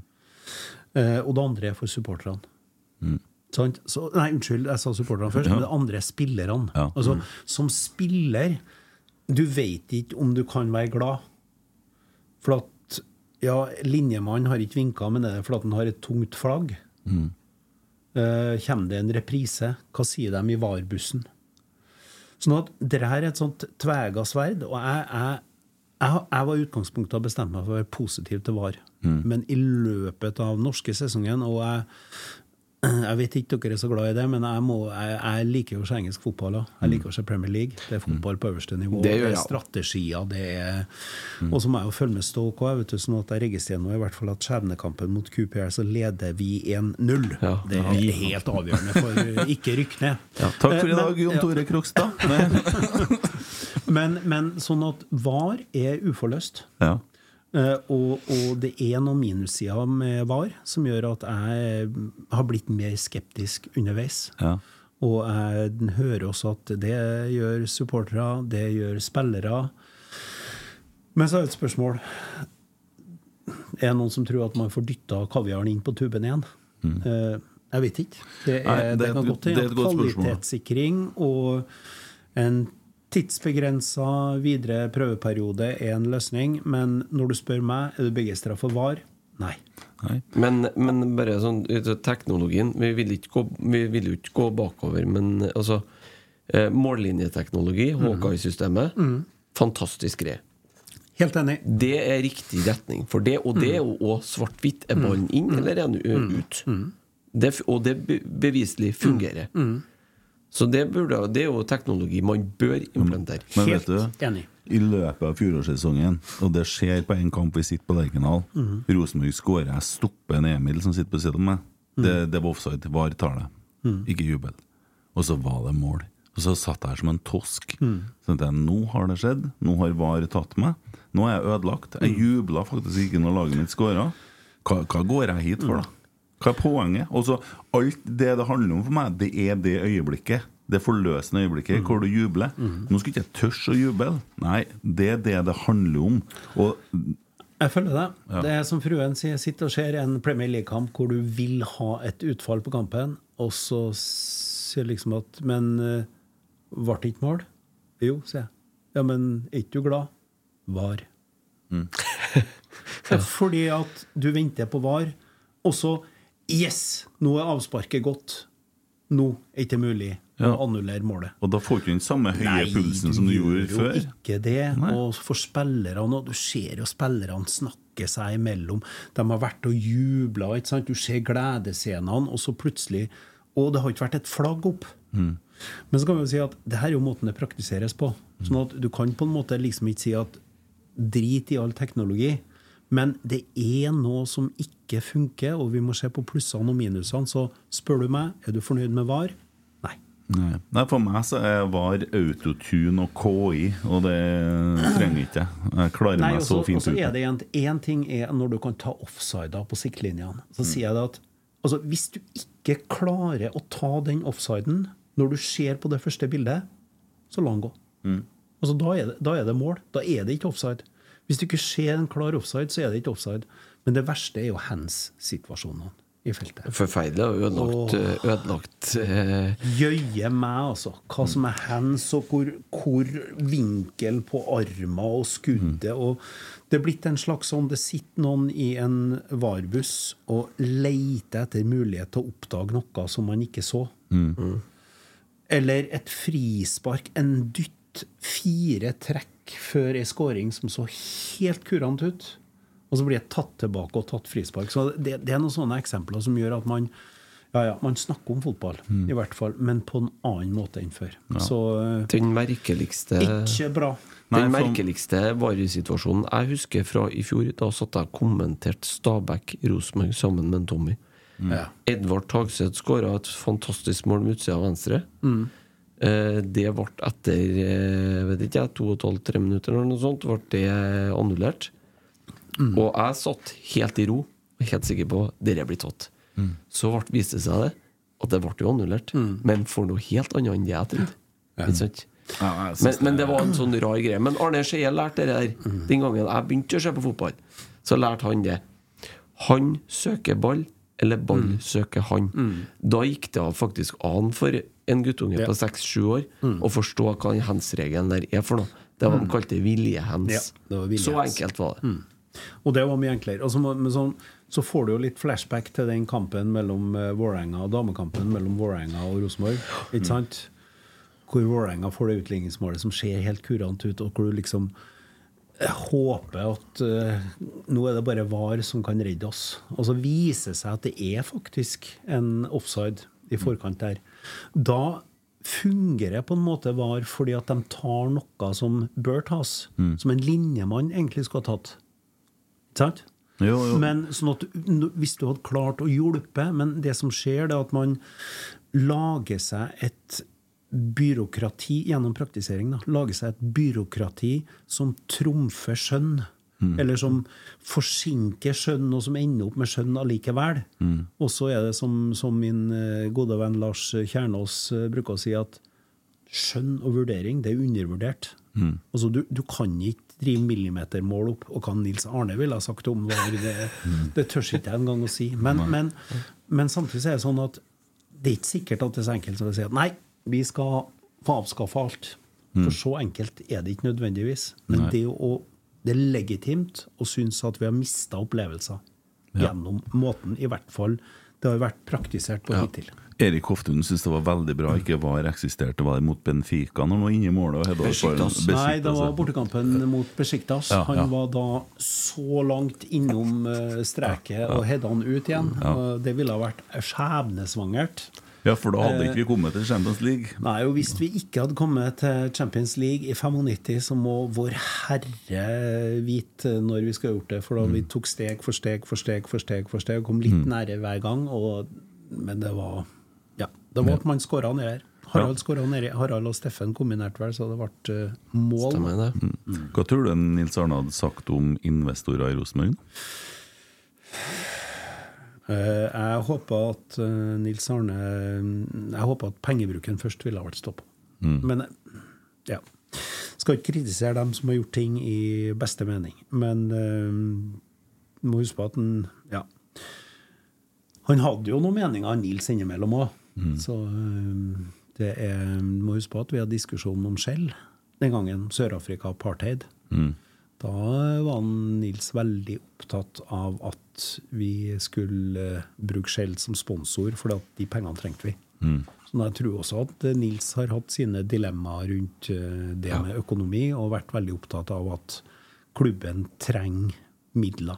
Så det er et dilemma, altså. Mm. Det er ikke svart-hvitt, det her. Så det er to fantastisk gode spørsmål som, eh, som skaper dilemma. Jeg syns det er Kom jeg på den Ja. shortsen da du sa skjell?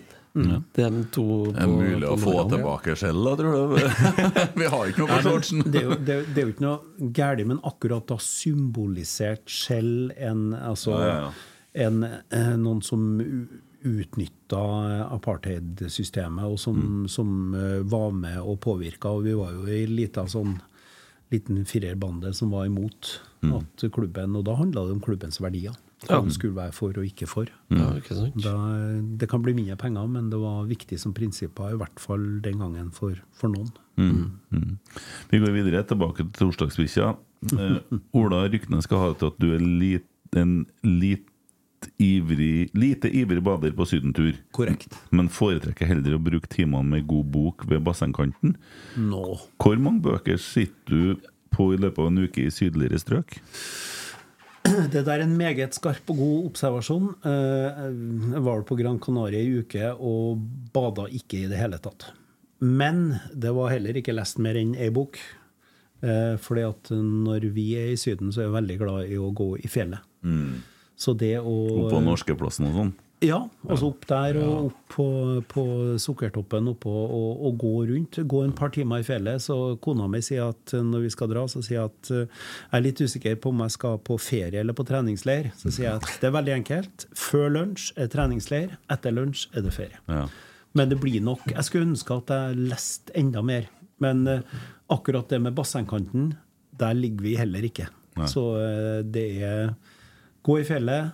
Eh, bli dårlig med bading, men det kunne ha vært mer lesing Da. Det er litt andre ting som helt eh, med deg på den gåinga. Det, er- det er Ja, fint det å gå er så deilig. Og det, å fått godt da i tre timer, det er jo da det er ferie etterpå. Mm. Og så kos deg med en lunsj da med en halvliter eller et glass hvitvin eh, i, i sola, og da har du jo sola deg mens du har rørt deg Mm. i tre timer, ikke sant? Så da er det jo Du har jo slått to fluer i en smekk. Men det en- det var en skarp observasjon på badevanene mine. Jeg må innrømme det, altså. Du, jeg har en, et informantspørsmål. Oi. Mm. Eh, figurerer du ofte som privatsjåfør i retning Malvik sånn sent eh, natt, eh, nattetimer i helgen? Det kan skje. Det kan skje? Eh, Tenker du på at jeg noen gang har transportert noen som er en del av rotsekkteamet? Ja, hører rykter om det, i hvert fall. Men det kunne vel ha sammenheng med at den eh, aktuelle personen i rotsekkteamet, jeg skal ikke navngi en Emil, eh, også har en god venn som tilfeldigvis er min svigersønn. Ja. Ja. Det hører med til historien. Bra Men vi ikke kjører gjerne på Rotsekkredaksjonen, og gjerne mot Malvik. Ja. Ja, Det er bra at ikke en Emil blir nevnt, da, for det tror jeg han eh, ville hatt veldig mye imot. Ja. Eh, Bjørn Erik Aasvær, når du er ute og går, trener og har litt kvalitetstid alene, hvor ofte hører du på 'Goodbye, Ola'? eh, Bye bye. Gode spørsmål, altså. Ja. Det, eh, nei, jeg gjør nok ikke det. Nei. Det som egentlig er mest fascinerende med det der, det er at jeg har jo etter hvert fått noen Altså Når ungene blir store, så har de en tendens til å få unger. Sånn at da rykker du ned en generasjon, eller opp, eller hva du skal kalle det. Sånn at jeg har jo noen barnebarn, og dem er med litt store øyne så har de oppdaga den Ola Bye Bye. Så den har vært spilt av når de liksom som femåring, eller seksåring, eller sjuåring. Så, og for ikke si åtteåring òg. Jeg Vet har- du ikke hvem det er der? Som jeg sa, han åtteåringen. Ja. Det er Ola By. så så eh, jeg, jeg syns det det var stas å få den sangen når jeg skulle slutte. Eh, Jeg syns det var svært hyggelig med altså, Flakne Ingebrigtsen setter seg ned og skriver en sang til deg. Det, det, er, det er veldig hyggelig. Ja. Så var det kanskje litt mer sånn at når eh, Dag Ingebrigtsen nevnte i en uh, bisetning at uh, Vet du, vi syns den ble så bra, så vi det har ikke noe å si om vi lager en sånn Champions League-sang hvor vi bruker, bruker melodien. Så dermed så ble den jo litt lagt død når det var For det er jo eh, Ja. Champions League-sangen, ja. Ja. Den Eh, kom vel på cupfinalealbumet til 95, den der uten, ja? Mener jeg det? Eh, det gjorde nok. Ja. Eh, For det var, i hvert fall, det var siste sesongen min i 95, så Ja. at jeg husker jo at det var innspilling Cupfinalekassetten eller på i 95? Tror ikke jeg har kassettene. Ja. Goodbye, Ola, bye bye. Her er vi kommet til Vi skal slukke brannkassetten. Ja, 95. 95, Ja. det er riktig. Sitter jo med fasit bak meg, det og var, kassetten. det var Men eh, nei, jeg hører veldig sjelden på den. Ja. Men det er en del andre som har oppdaga den i familien. Og så har jeg sagt noe for spøk at nå skal ikke jeg begraves før om 30 år, men da vet dere at da kan dere nå spille den. Det passer jo veldig godt til begravelsen. Goodbye, Ola, bye bye. Vet du det er opptrådt med barnebarnet ditt? Ja, faktisk. Ja. Det, det har jeg hørt rykter om. Ja, Det var dag i barnehagen hvor at du hadde med trollet og sang trollet på Lerkendal. Da skulle han være troll, han òg, så han hadde laga seg en egen trolldrakt. Ja, det tror jeg nok. Han sto og dansa sammen med meg når jeg spilte. Ja, ja. Det var stas. Ja, og det, Men det var stas for dem. Og for det første er du veldig god på det der, og så har du laga en av de fineste Rosenborg-sangene. Og så er dette her også en Rosenborg-formidling av uh, høy klasse. Det er utrolig viktig at ungene får nye Rosenborg-sanger som de syns er, er stas. Og det ser jeg på den barnegenerasjonen der nå, at det her fanger dem. Det her er spennende. Noter det når du skal snakke med han til Den kulturelle skolesekken, at det finnes en Husk på det. Helt klart. Jeg var jo ikke ute- og Nei, om meg sjøl. Du har vært på seniorkultur allerede, sånn at du kan jo fordele deg imellom. Du, kan jo, du ja. når jo alle aldersgrupper. Det er ikke så stor forskjell på å spille i en barnehage Nei. på en aldersheim. Det, jeg spilte sangen der òg, men jeg skulle ikke ha frem det at jeg har gjort det ene. Men det, det, som, nei, det som er, det er frivilligheten, og det er sånn som eh, eh, Magne da eh, snakka om i stad. Magne har jo sin rolle og, og bidrar der han gjør. Du har jo din rolle, for du er jo frivillig i styret. Og det er jo din godfot der. Sant? Ja, og så er jeg som, min godfot. Da. Når vi hører at eh, da, det er styrehonorarene, vet du, så er det veldig fint å kunne si at det er ikke ei T-skjorte for Nei. å sitte i styret. Nei. Der får du ikke et komma, og det skal du heller ikke ha, altså sånn, som, sånn som det er. Men det er frivillig arbeid. Punktum. Mm. Ja. Det er gratisarbeid. Og som jeg forstår det, ganske mye arbeid. Det er ganske mye arbeid. Men eh, når man har fått en sang en gang for å spille fotball, og det, da er jo det er veldig hyggelig. Så Ja. det, det har jeg med meg. Jeg hører ikke på den, men jeg har, har den med meg inni, inni meg. Ja, I andre idrettslag så kalles det der dugnad, faktisk. Det kalles dugnad. Og det er et sabla godt ord.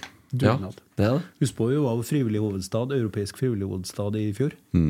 Og det, da var introduksjonen av den dugnad internasjonalt, det var uh, artig. Mm. Men jeg er sikker på at det var en par som slo av for de er allergiske mot det ordet, men Jo, jo. Det, vi, vi vet hvordan det kan være, men samtidig så hvis vi slutter å bidra i, til fellesskapet, slutter med frivilligheten, så råtner vi litt på rot. Så jeg bruker å si at eh, frivillighet det er samfunnets eh, omega-3. Ja, og i hvert fall innenfor idretten. Da er jeg veldig veldig bekymra for framtida med tanke på barne- og ungdomsidrett, først og fremst. Enig. Mm.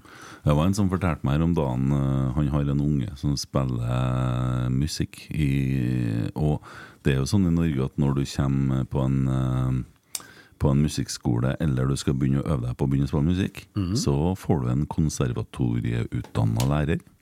Når du begynner å spille eh, fotball, så får du naboen mm. som lærer. Det, det er litt forskjell. Island derimot, de har jo vel sånn utdanna trenere nede i barneidrett nå. Ja da, og det der er en stor diskusjon. Og det er en, en, en eh, interessant diskusjon også. Mm.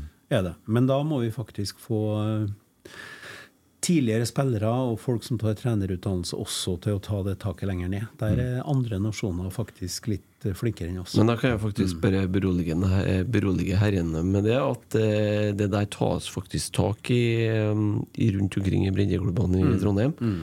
Så idet man er eh, en trener i gåsetegn Mm. etter eh, første foreldremøte, så hører jeg flere og flere snakke rundt omkring i forskjellige bydeler. Da har man muligheten til å bli med på trenerkurs gjennom NFF og begynne å gå trenerstigen. Det har man. Og så er det mye lettere òg, for nå er det mye lettere tilgang på øvelser på nett. Altså det, er en, det er en annen bit, sånn at eh, man slipper å kopiere og dele ut ark rundt omkring. Sånn at man har mye mer tilgang til kunnskapen og til riktige aktiviteter. Og så har det forandra seg veldig. altså Vi har fått treerfotball og femmerfotball og sjuerfotball. Mm. Eh, Noen av oss er så gamle at vi starta opp på Myra til Strindheim med som veldig små eh, gutter på, med eh, bare de store, hvite målene som eh, ingen ante hvordan man skulle komme på tverrliggeren. Og elver. Og, den, og ingen innbyttere. Hvis noen ble skada, hvis det var en reserve, så fikk han komme inn. Hvis det ikke, så var det ingen som fikk bytte. Mm. Sånn at fotballen har jo utvikla seg også veldig, og jobber med sine etyder, sånn som økosystemet innenfor musikken er. Så Mm. det, det er mange som blir skolert, og det er også noe med at foreldre, nærhet, identitet er viktig. Mm. Men så har vi jo mange akademi, vi har profesjonelle spill, eh, trenere som er nede i også er med å påvirke, så Ja, og så er det jo helt nødvendig, fordi at eh, når man driver med med unger i, i veldig Mm. Så må du ha en viss tetthet og på, i forhold til voksne barn Mm. i antall og sånne ting. Du er nødt til å ha et visst antall, og du kan ikke være sånn at breddeklubbene skal drive og leie inn trenere. Og bare nevne det også, Jeg kommer akkurat fra Kolstad Arena, hvor det var åtte, to åtterkamper i håndball. Mm. Eh, altså åtterkamper til åtteårsklassen i Mm. håndball, med fire stykker. Og la oss si det sånn, det, det var ikke en profesjonell håndballtrener du trengte til de eh, sju-åtteåringene som var utpå der. Mm. Det var noen som kunne prøve å forklare litt og være en, en positiv eh, voksenrettleder. Mm. Så det er alt til si tid. Mm, Ikke sant. Han Bjørn Erik sa òg takk for alt du har gjort og gjør for RBK, blant de største i historien. Vi må ha med det. Oi, tusen takk. Ja. Torsdagsbikkja, han har vært på jobb. Ja, han har vært på jobb, ja. Da Åge Hareide overtok i 2020, var det da på noe tidspunkt aktuelt å gå inn i trenerteam med din tidligere kollega igjen? Og hva mener du er grunnen til at det gikk galt i Åges periode? Oi, todelt. Jeg tror nok det har vært sånn at jeg kunne ha vært med inn i team hvis jeg hadde sagt at jeg ville. Eh, han Åge antyda vel at hvis jeg ville, så Men eh, jeg gjorde et valg for drøye åtte år siden eh, når jeg gikk eh, da trente jeg i Ranheim. Og så dukka den jobben i kommunen opp, og så hadde jeg lyst til å bruke andre sida av meg sjøl og utfordre meg sjøl. Og det har, gjør, gjør jo at du fjerner deg fra treningsfeltet, selv om du fortsatt er veldig interessert i, i det som foregår utpå her, og alltid vil tenke fotball som en spiller og en trener. Mm. Så, um, så er ikke det så realistisk. Så um, det var ikke aktuelt for meg Nei. å gjøre det. Og det har vært andre ganger hvor det har vært nevnt i en bisetning at kan det være aktuelt, men ja. Mm. Siden kanskje, hvis jeg blir voksen Mm. på et eller annet nivå i en eller annen rolle. Mm. Det kan jo Men akkurat nå, ja da. Så kan vi få parlamentarisme, og plutselig så ser verden annerledes ut. Og så er min jobb endra til, til noe annet, så det vet vi ikke. Det kan, eh, kan jo få det. Det kan skje. Det kan skje. Mm. Hvorfor tror du det gikk galt for Åge Hareide i Åge 2? Det var en Åge som kan svare på, men uh, eh, det er signalet fra Åge. Jeg trodde det kom til å gå veldig bra, nemlig. Mm. Det trodde han. Ja, jeg trodde det kom til å gå, gå veldig bra, for jeg hadde jo et strålende samarbeid med Åge i 2003. Og da kom han Åge veldig mjukt inn. Han fikk komme på å være en del av teamet helt fra i august. Så han var med et halvår, og vi snakka utrolig mye. Og jeg solgte jo mange av mine tanker til han. Altså rundt på forbedringspunkter. og fikk jo inn nye spillere. Og så kan du si at ja, det skulle du venta med til 2004, når du tok over som hovedtrener sjøl. Men det er jo ikke sånn du tenker når du er inne i løpene. Men, men Åge hadde nok kanskje blitt mer landslagstrener enn klubbtrener i perioden. Og jeg tror også sett i ettertid at den emosjonelle bindinga hans til Danmark eh, gjorde òg at han savna litt det å være landslagstrener for Danmark, som han gjorde med bravur. Og så var det et eller annet også med Christian Eriksen og den hjertestoppen. Et eller annet som jeg tror, jeg tror Det vi skjedde noe der, altså. altså. blir påvirka av et eller annet. Og jeg vet jo at Åge jobber jo, jobba jo på den måten at han var veldig flink til å identifisere lederne i gruppa og laga en veldig sterk binding til dem, eh, og hadde dem som ledestjerner i laget sitt, og der var Christian Eriksen en av dem. Så jeg tror heller ikke jeg ville vært upåvirka av, av at en av mine havner i en sånn situasjon. Og så er det noe med at det er helt annerledes å være landslagstrener enn å være klubbtrener. Jeg har prøvd eh, begge deler, eh, riktignok bare som assistent som landslagstrener, men det er en annen dynamikk. Det er en annen sånn du girer deg opp til konsentrerte samlinger, og du er veldig innretta mot kamper og kampstrategi. Mens det å være klubbtrener, det er å stå uke ut og uke inn på feltet og jobbe med ting veldig stabilt over tid. Så, og så kan det hende at det har vært annerledes hvis familien til Åge har her Og Det vet ikke jeg. Ja. Men du, du må ha en energi. Vi snakka om energien til, som Alfred gir inntrykk av. Og veldig mange av de moderne trenerne i dag, det er dedikerte 24-7-mennesker. Og det kan godt hende at noen har blitt så voksne og opplevd så mye at, at uh, energien ikke var der.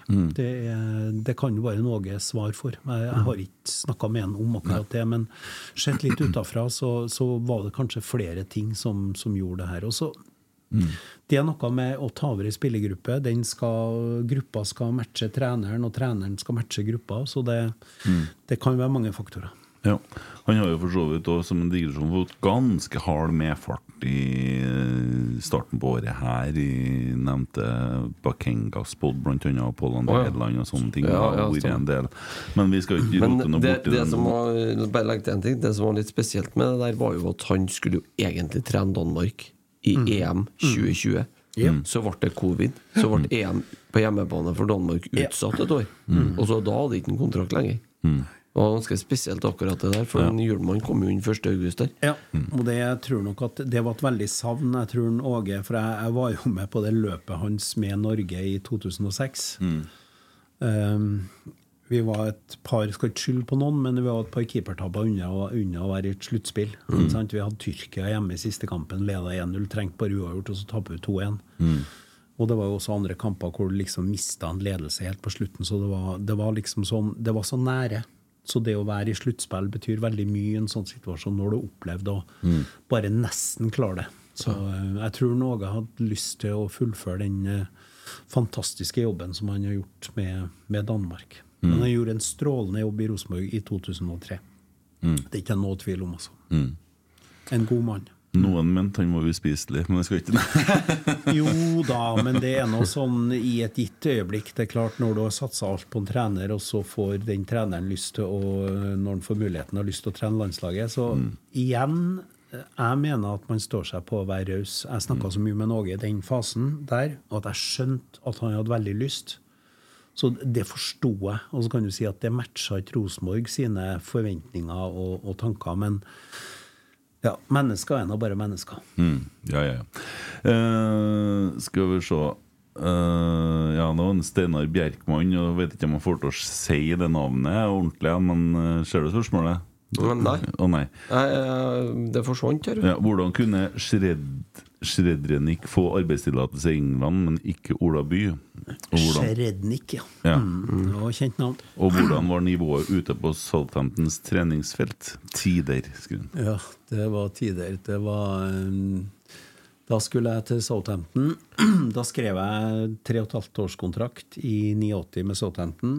Uh, Skulle, vi skulle disponere huset til en Alan Ball, verdensmester, som ironisk nok da var blitt manager i Stoke.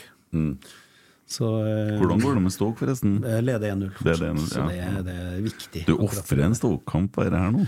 Tenk på Eh, det. Det er viktig. Det Ja, er mer sånn ja, eh, Men, men eh, jeg skrev jo avtale, også av en eller annen grunn, og jeg fikk jo høre i etterkant De hadde, ja, Lederen i spillerforeninga hadde vært og sett Southampton spille mot Arsenal i London, og Tim Flowers hadde en fantastisk kamp.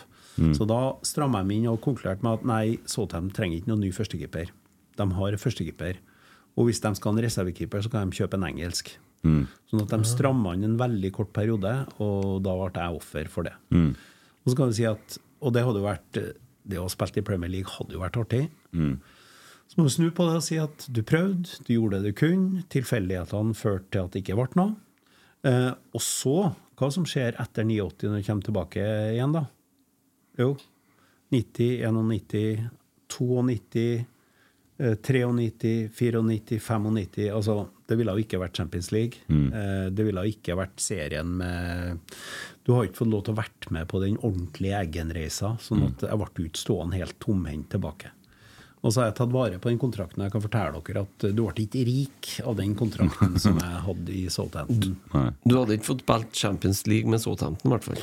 Det er helt sikkert, men det som var litt artig allikevel, det var at tolvtemann, altså på laget, første reserve på Southampton den gangen, det var en veldig lovende ung spiller som jeg fikk eh, god kontakt med. Det var første som, som gratulerte meg med kontrakt. Han var 19 år og het Alan Shearer. Oh, han var der da, vet du. Så han var der da, Ja. mens Paul Rideout var førstevalg som, eh, som spiss. Men Scherer skåra bøtta inn mål på trening, så jeg tenkte at han der igjen, han blir bra. Letizier var ikke der, han òg? si. Jo, Mathieu Letizier var der. Han var den eneste som var dårligere enn keeperne på utholdenhetstesten på eh, blikktesten. Men fantastisk eh, mann, altså. Supertalent med ball og en forståelse og et blikk. Og, så du kan din Southampton-historie, hører jeg. Ja, det er vel kanskje mer at det har hengt seg fast noe bak her en plass. Men han spør jo om treningshverdagen. Hvordan var trenings... eh, ja, Du, det var nivået? Nivået var Det var bra. Men det her var jo ganske tidlig etter Altså Den gangen der så var det jo lettere å komme Det var jo i starten det der Det var ikke noe mange nordmenn som spilte i England. Det var en Åge og en Enar Aas som hadde vært der, og Torstvedt. Og, så det var, det, var mindre, det var bare fem stykker omtrentlig som hadde vært Men Kåre var der, da? Jo, men Kåre kom senere, Ja, han til kom Manchester. City. Ja, ja. Sånn at det kunne ha vært litt eh, tidligere, akkurat, eh, akkurat der. Men, men det var en, de var gode. Det var, det var en, et høyt nivå, men det er ikke sånn som dagens Premier League. Den har blitt bedre, for de henter jo fra hele verden. Mm. Så den gangen og like etterpå så var det mange nordmenn som kom fordi det var dedikerte, godt trente, lojale spillere som kom inn og som gjorde en, en solid jobb. Og da var det jo da var det jo liksom 20 norske spillere som var der. Mm. Så det der var litt før den, akkurat den tida. Mm. Men, men det var høyt nivå på trening, men ikke sånn at det var helt umulig. Det, det var det ikke. Var det stor forskjell på Rosenborg og Southampton? da? Ja, det var en forskjell på Rosenborg og Southampton den gangen. Men Rosenborg ble jo bedre etterpå. Mm. Så det var litt artig når vi møtte Blackburn i siste sesongen i, i Champions League. Mm. Og spilte mot uh, både en Alan Shearer og en eh, Tim Flowers. Det, Så jeg hadde jo en god prat med dem nede på, ned på hotellet kvelden før kampen her. Så eh, verden går litt i, i sirkler. Ja, gjør det. Herlig. Eh, Norwegian Scout, uh, det er et godt spørsmål. Hvordan vil du sammenligne talentet til Tangvik og Sandberg med ditt eget på samme alder? Og har vi en fremtidig landslagskeeper her? Ja, det kan vi ha. Mm.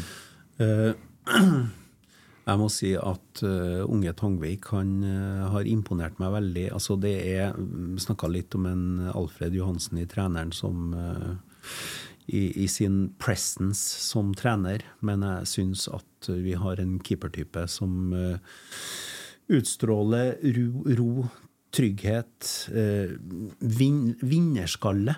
Eh, teknisk god. Også, også en moderne keepertype. God med beina. Og medspillende. Så eh, det er For å si det sånn, den gangen jeg var med i landslagstroppen, så var det å få plass som keeper var noe av det vanskeligste. Keeper og midtstopper.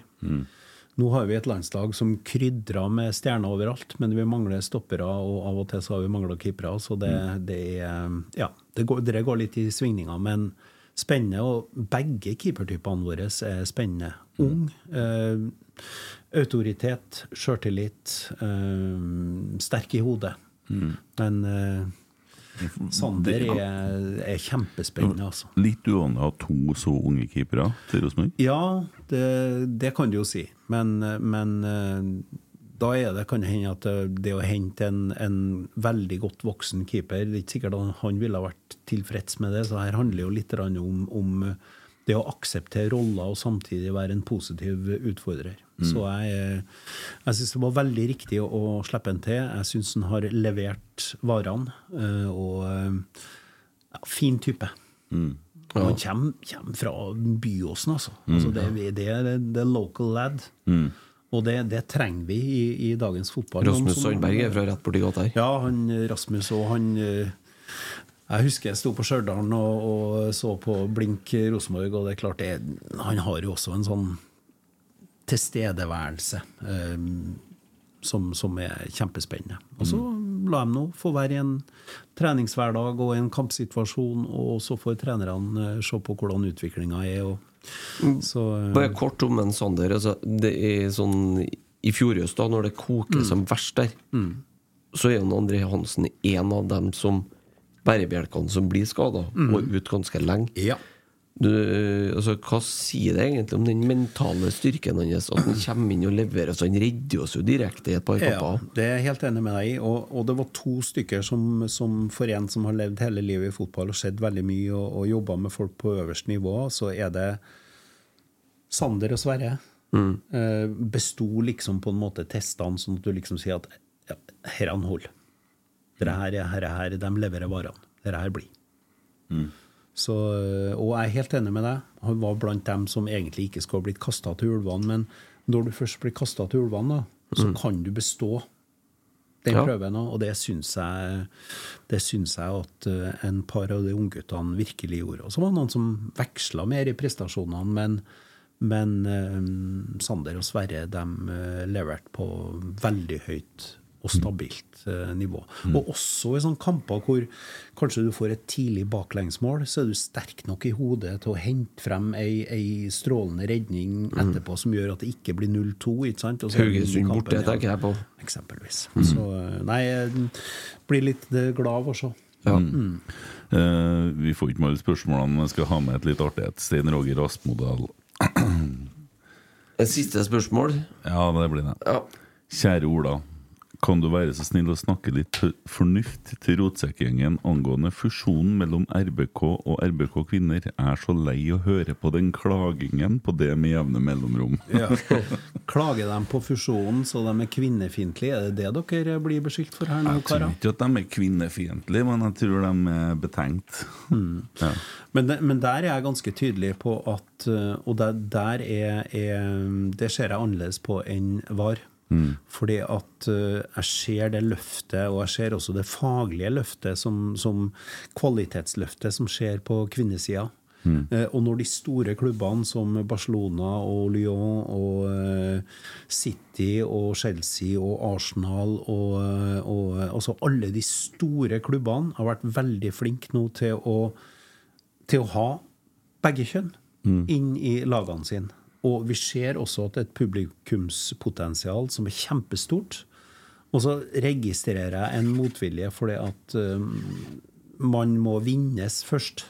Og det kan gjøre at det tar litt tid, men jeg, jeg mener at det er helt opplagt. Jeg mener at klubben har gått baklengs inn i framtida hvis man ikke hadde fusjonert. Fordi at det er så mange føringer på det, og jeg tror at det er et potensial markedsmessig som, som ikke er forløst ennå. Mm. Det er mye mer forløst internasjonalt. Vi ser på tilskuer til, altså tilstrømminga av folk på, de, på, på kvinnefotballen internasjonal med Barcelona. Ja, da kommer det altså vanvittig mye folk for å se på de kampene. Ja. Sånn at jeg tror at det blir en litt sånn langsom uh, smitteeffekt eh, Mm. på dette her. Så jeg, og det skal også være sånn. Nå vi snakka om Rosenborg som forbilder. Vi har snakka om hvor viktig det er for Du nevnte du var på barnehagen, og det var helt fantastisk. Mm. Inspirere folk.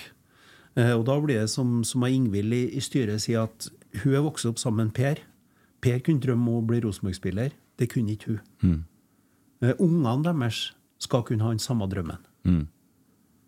Drømmen om å spille på Rosenborg.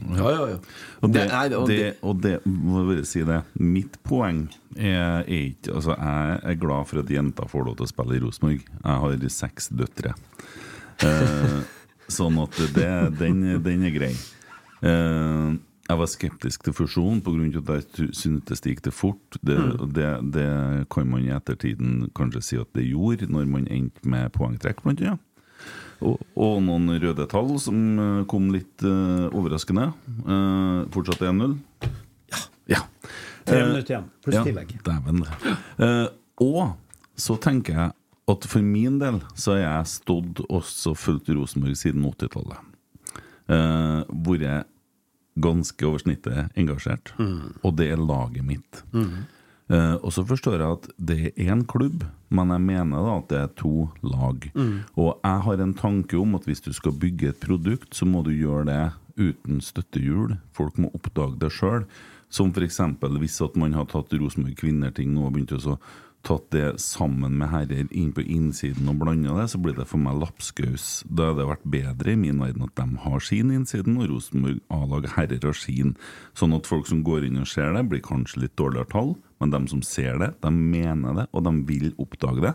I stedet for å få følelsen at det får det tredje nedover. Derfor starta vi en egen podkast som heter Nå snakker vi. Mm. Sånn at de får sin egen podkast, sin egen plass å blomstre på. For jeg kjenner folk i Rosenborg Kvinner som òg var skeptiske til fusjonen.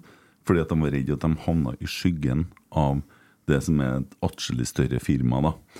Eh, Sånn at jeg tenker bare at man må gjøre ting på den måten for å bygge nettopp merkevaren. At I mitt hode så er det den fornuftige måten å bygge det på.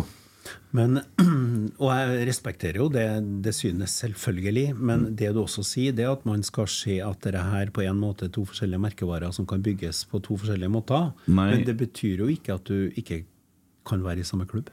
Nei, men jeg, jeg ser jo at det er samme klubb, Mm. men jeg mener at det er to forskjellige lag. Det er folk som har fulgt det ene laget her i Mm. veldig, veldig mange år. Uh, og du har Øvre Øst og alt det der som har sterke følelser for det laget. Mm. Og så blir det sånn det, det tar nok litt tid å etablere følelsene til et annet lag også, for det Mm. er jo da i praksis det. Og så tenker jeg at hvis du skal klare å bygge merkevaren der, og få laga det så stort at du må bygge en tribune på andre sida der det faktisk er sol og, og, og sånne ting på Koteng, da. Og at det kommer 6000 stykker på damekamp til slutt, for det er mulig at det gjør, så tror jeg det er den rette veien å gå. Og at ikke det blir sånn de, må få være med, men det er mitt syn på det. Ja. Men det er jo lov, men samtidig så snakka vi om at Lerkendal blir lite brukt. Ja, man kan jo også tenke seg at, at, ha, at eh, kvinnelaget også kunne spille på Lerkendal. Mm. Kanskje på en god del av kampene, i hvert fall. Ja. Det, men men, eh, men jeg, jeg, vi kan, kan ha ulike oppfatninger om timing, framdrift, hvordan Mm. ting skal gjøres. Men jeg mener da at, at eh, det er riktig, og at man, eh, man ikke kan regne automatisk med en gang at hvis det her ikke lønner seg, så ut med dem. Da vil vi litt Nei, nei, det- det vil jeg bare si. Det, Det- det er vi enige om. Nei. Sånn at jeg, jeg, jeg, jeg er tilhenger av at vi skal Her må vi jobbe på en veldig god måte for å få synergier. eh, For å, å, og jeg tror at det kommer til også å bli en publikumsmessig og økonomisk opptur rundt kvinnefotballen, også i, i Norge på, på klubbnivå. Så Jeg tror egentlig ikke at vi er der at folk vil ha eh, RB, altså damelaget ut av Rosenborg. er. Overhodet ikke. Nei.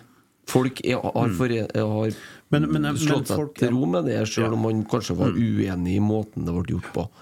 Det som eh, avbrer mitt med det akkurat nå, Mm. det er det at jeg ser at for første gang, egentlig, siden jeg ble Rosenborg-supporter, Mm. minus i 2012, så er det kassa til Rosenborg skrapa. Mm. Og enten så må man ta ned satsinga på sport nå, det Mm. neste, eller så må man eh, Altså, altså eller så må det her på en måte Nå har vi 2024 til å snu det på.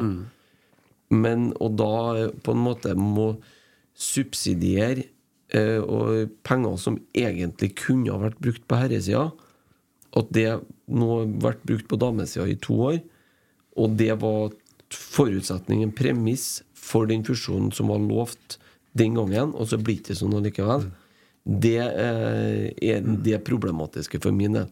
Så jeg har ikke noe annet problem enn rent det økonomiske aspektet der. Men jeg tror, jeg, nei, jeg tror bare vi står oss på og, og, og jeg skjønner at noen syns at det gikk fort frem, og det kan vi alltid diskutere, men jeg syns det er veldig vanskelig å være negativ til den prosessen, for jeg mener den er riktig, eh, og den er riktig på sikt, og det er en riktig måte å gjøre det på, og det er helt i tråd med sånn som det gjøres ellers i, i verden. Eh, og så er det selvfølgelig sånn at akkurat nå så er det mye tøffere økonomisk, Ja, men, men da må, må vi bare se på inntektssida, på utgiftssida, på, på lagene, og så må man ta litt tæring etter næring, og så må man bygge også på, altså på begge sidene. Og så er det er vi Vi er én klubb og må opptre som én klubb, men hvordan Altså det at du bygger Litt annen merkevare. Eh, Jeg merker at, at eh, det er jo ingen som kan tvinges til å bli supportere for, for et lag. Altså Man må jo føle det. Sånn at Da må jo tilhengere vinnes, og så kan det hende at det er et litt annet foreløpig publikumssegment til kvinnelaget enn det til herrelaget. Det kan hende. Men det kan også utvikles, og kan utvikle seg. Det tror jeg du har helt rett i. Når eh, personlig var jeg på Koteng Arena på én kamp i fjor, sammen med to kompiser som jeg vanligvis står på øverst med. Vi har med døtrene våre. Ja, men så bra. Og da er det, Ja. det blir på en måte Det er to forskjellige Da er vi på et familiearrangement.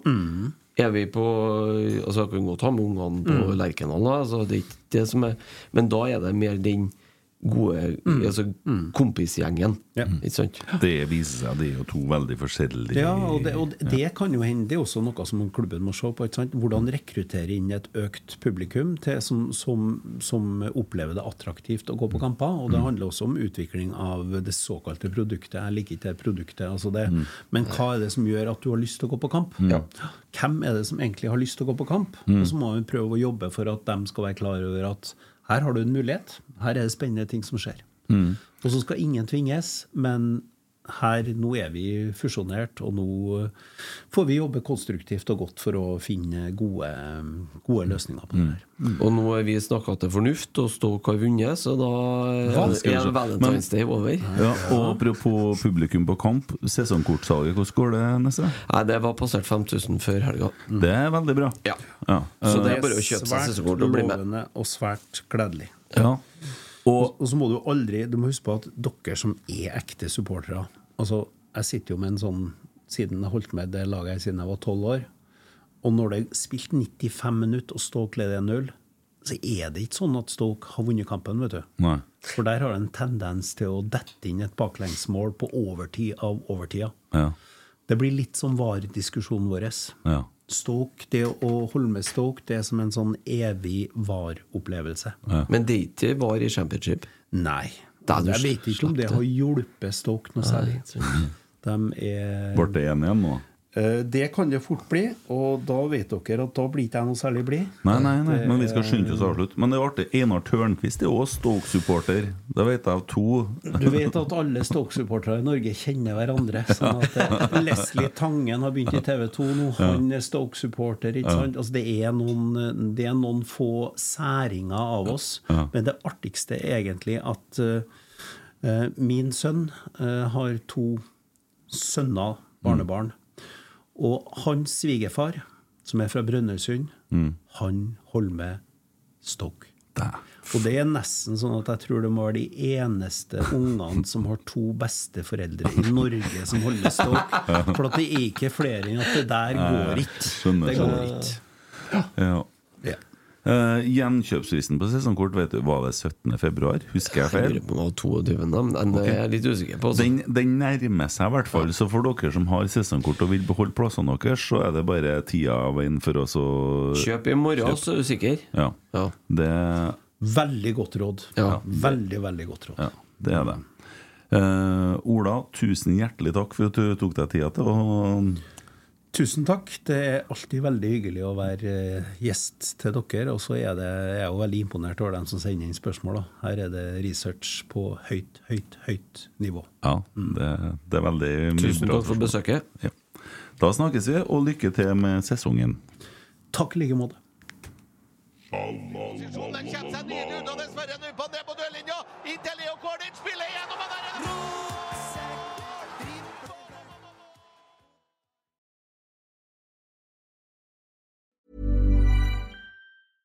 Hey, it's Paige DeSorbo from Giggly Squad. High quality fashion without the price tag. Say hello to Quince.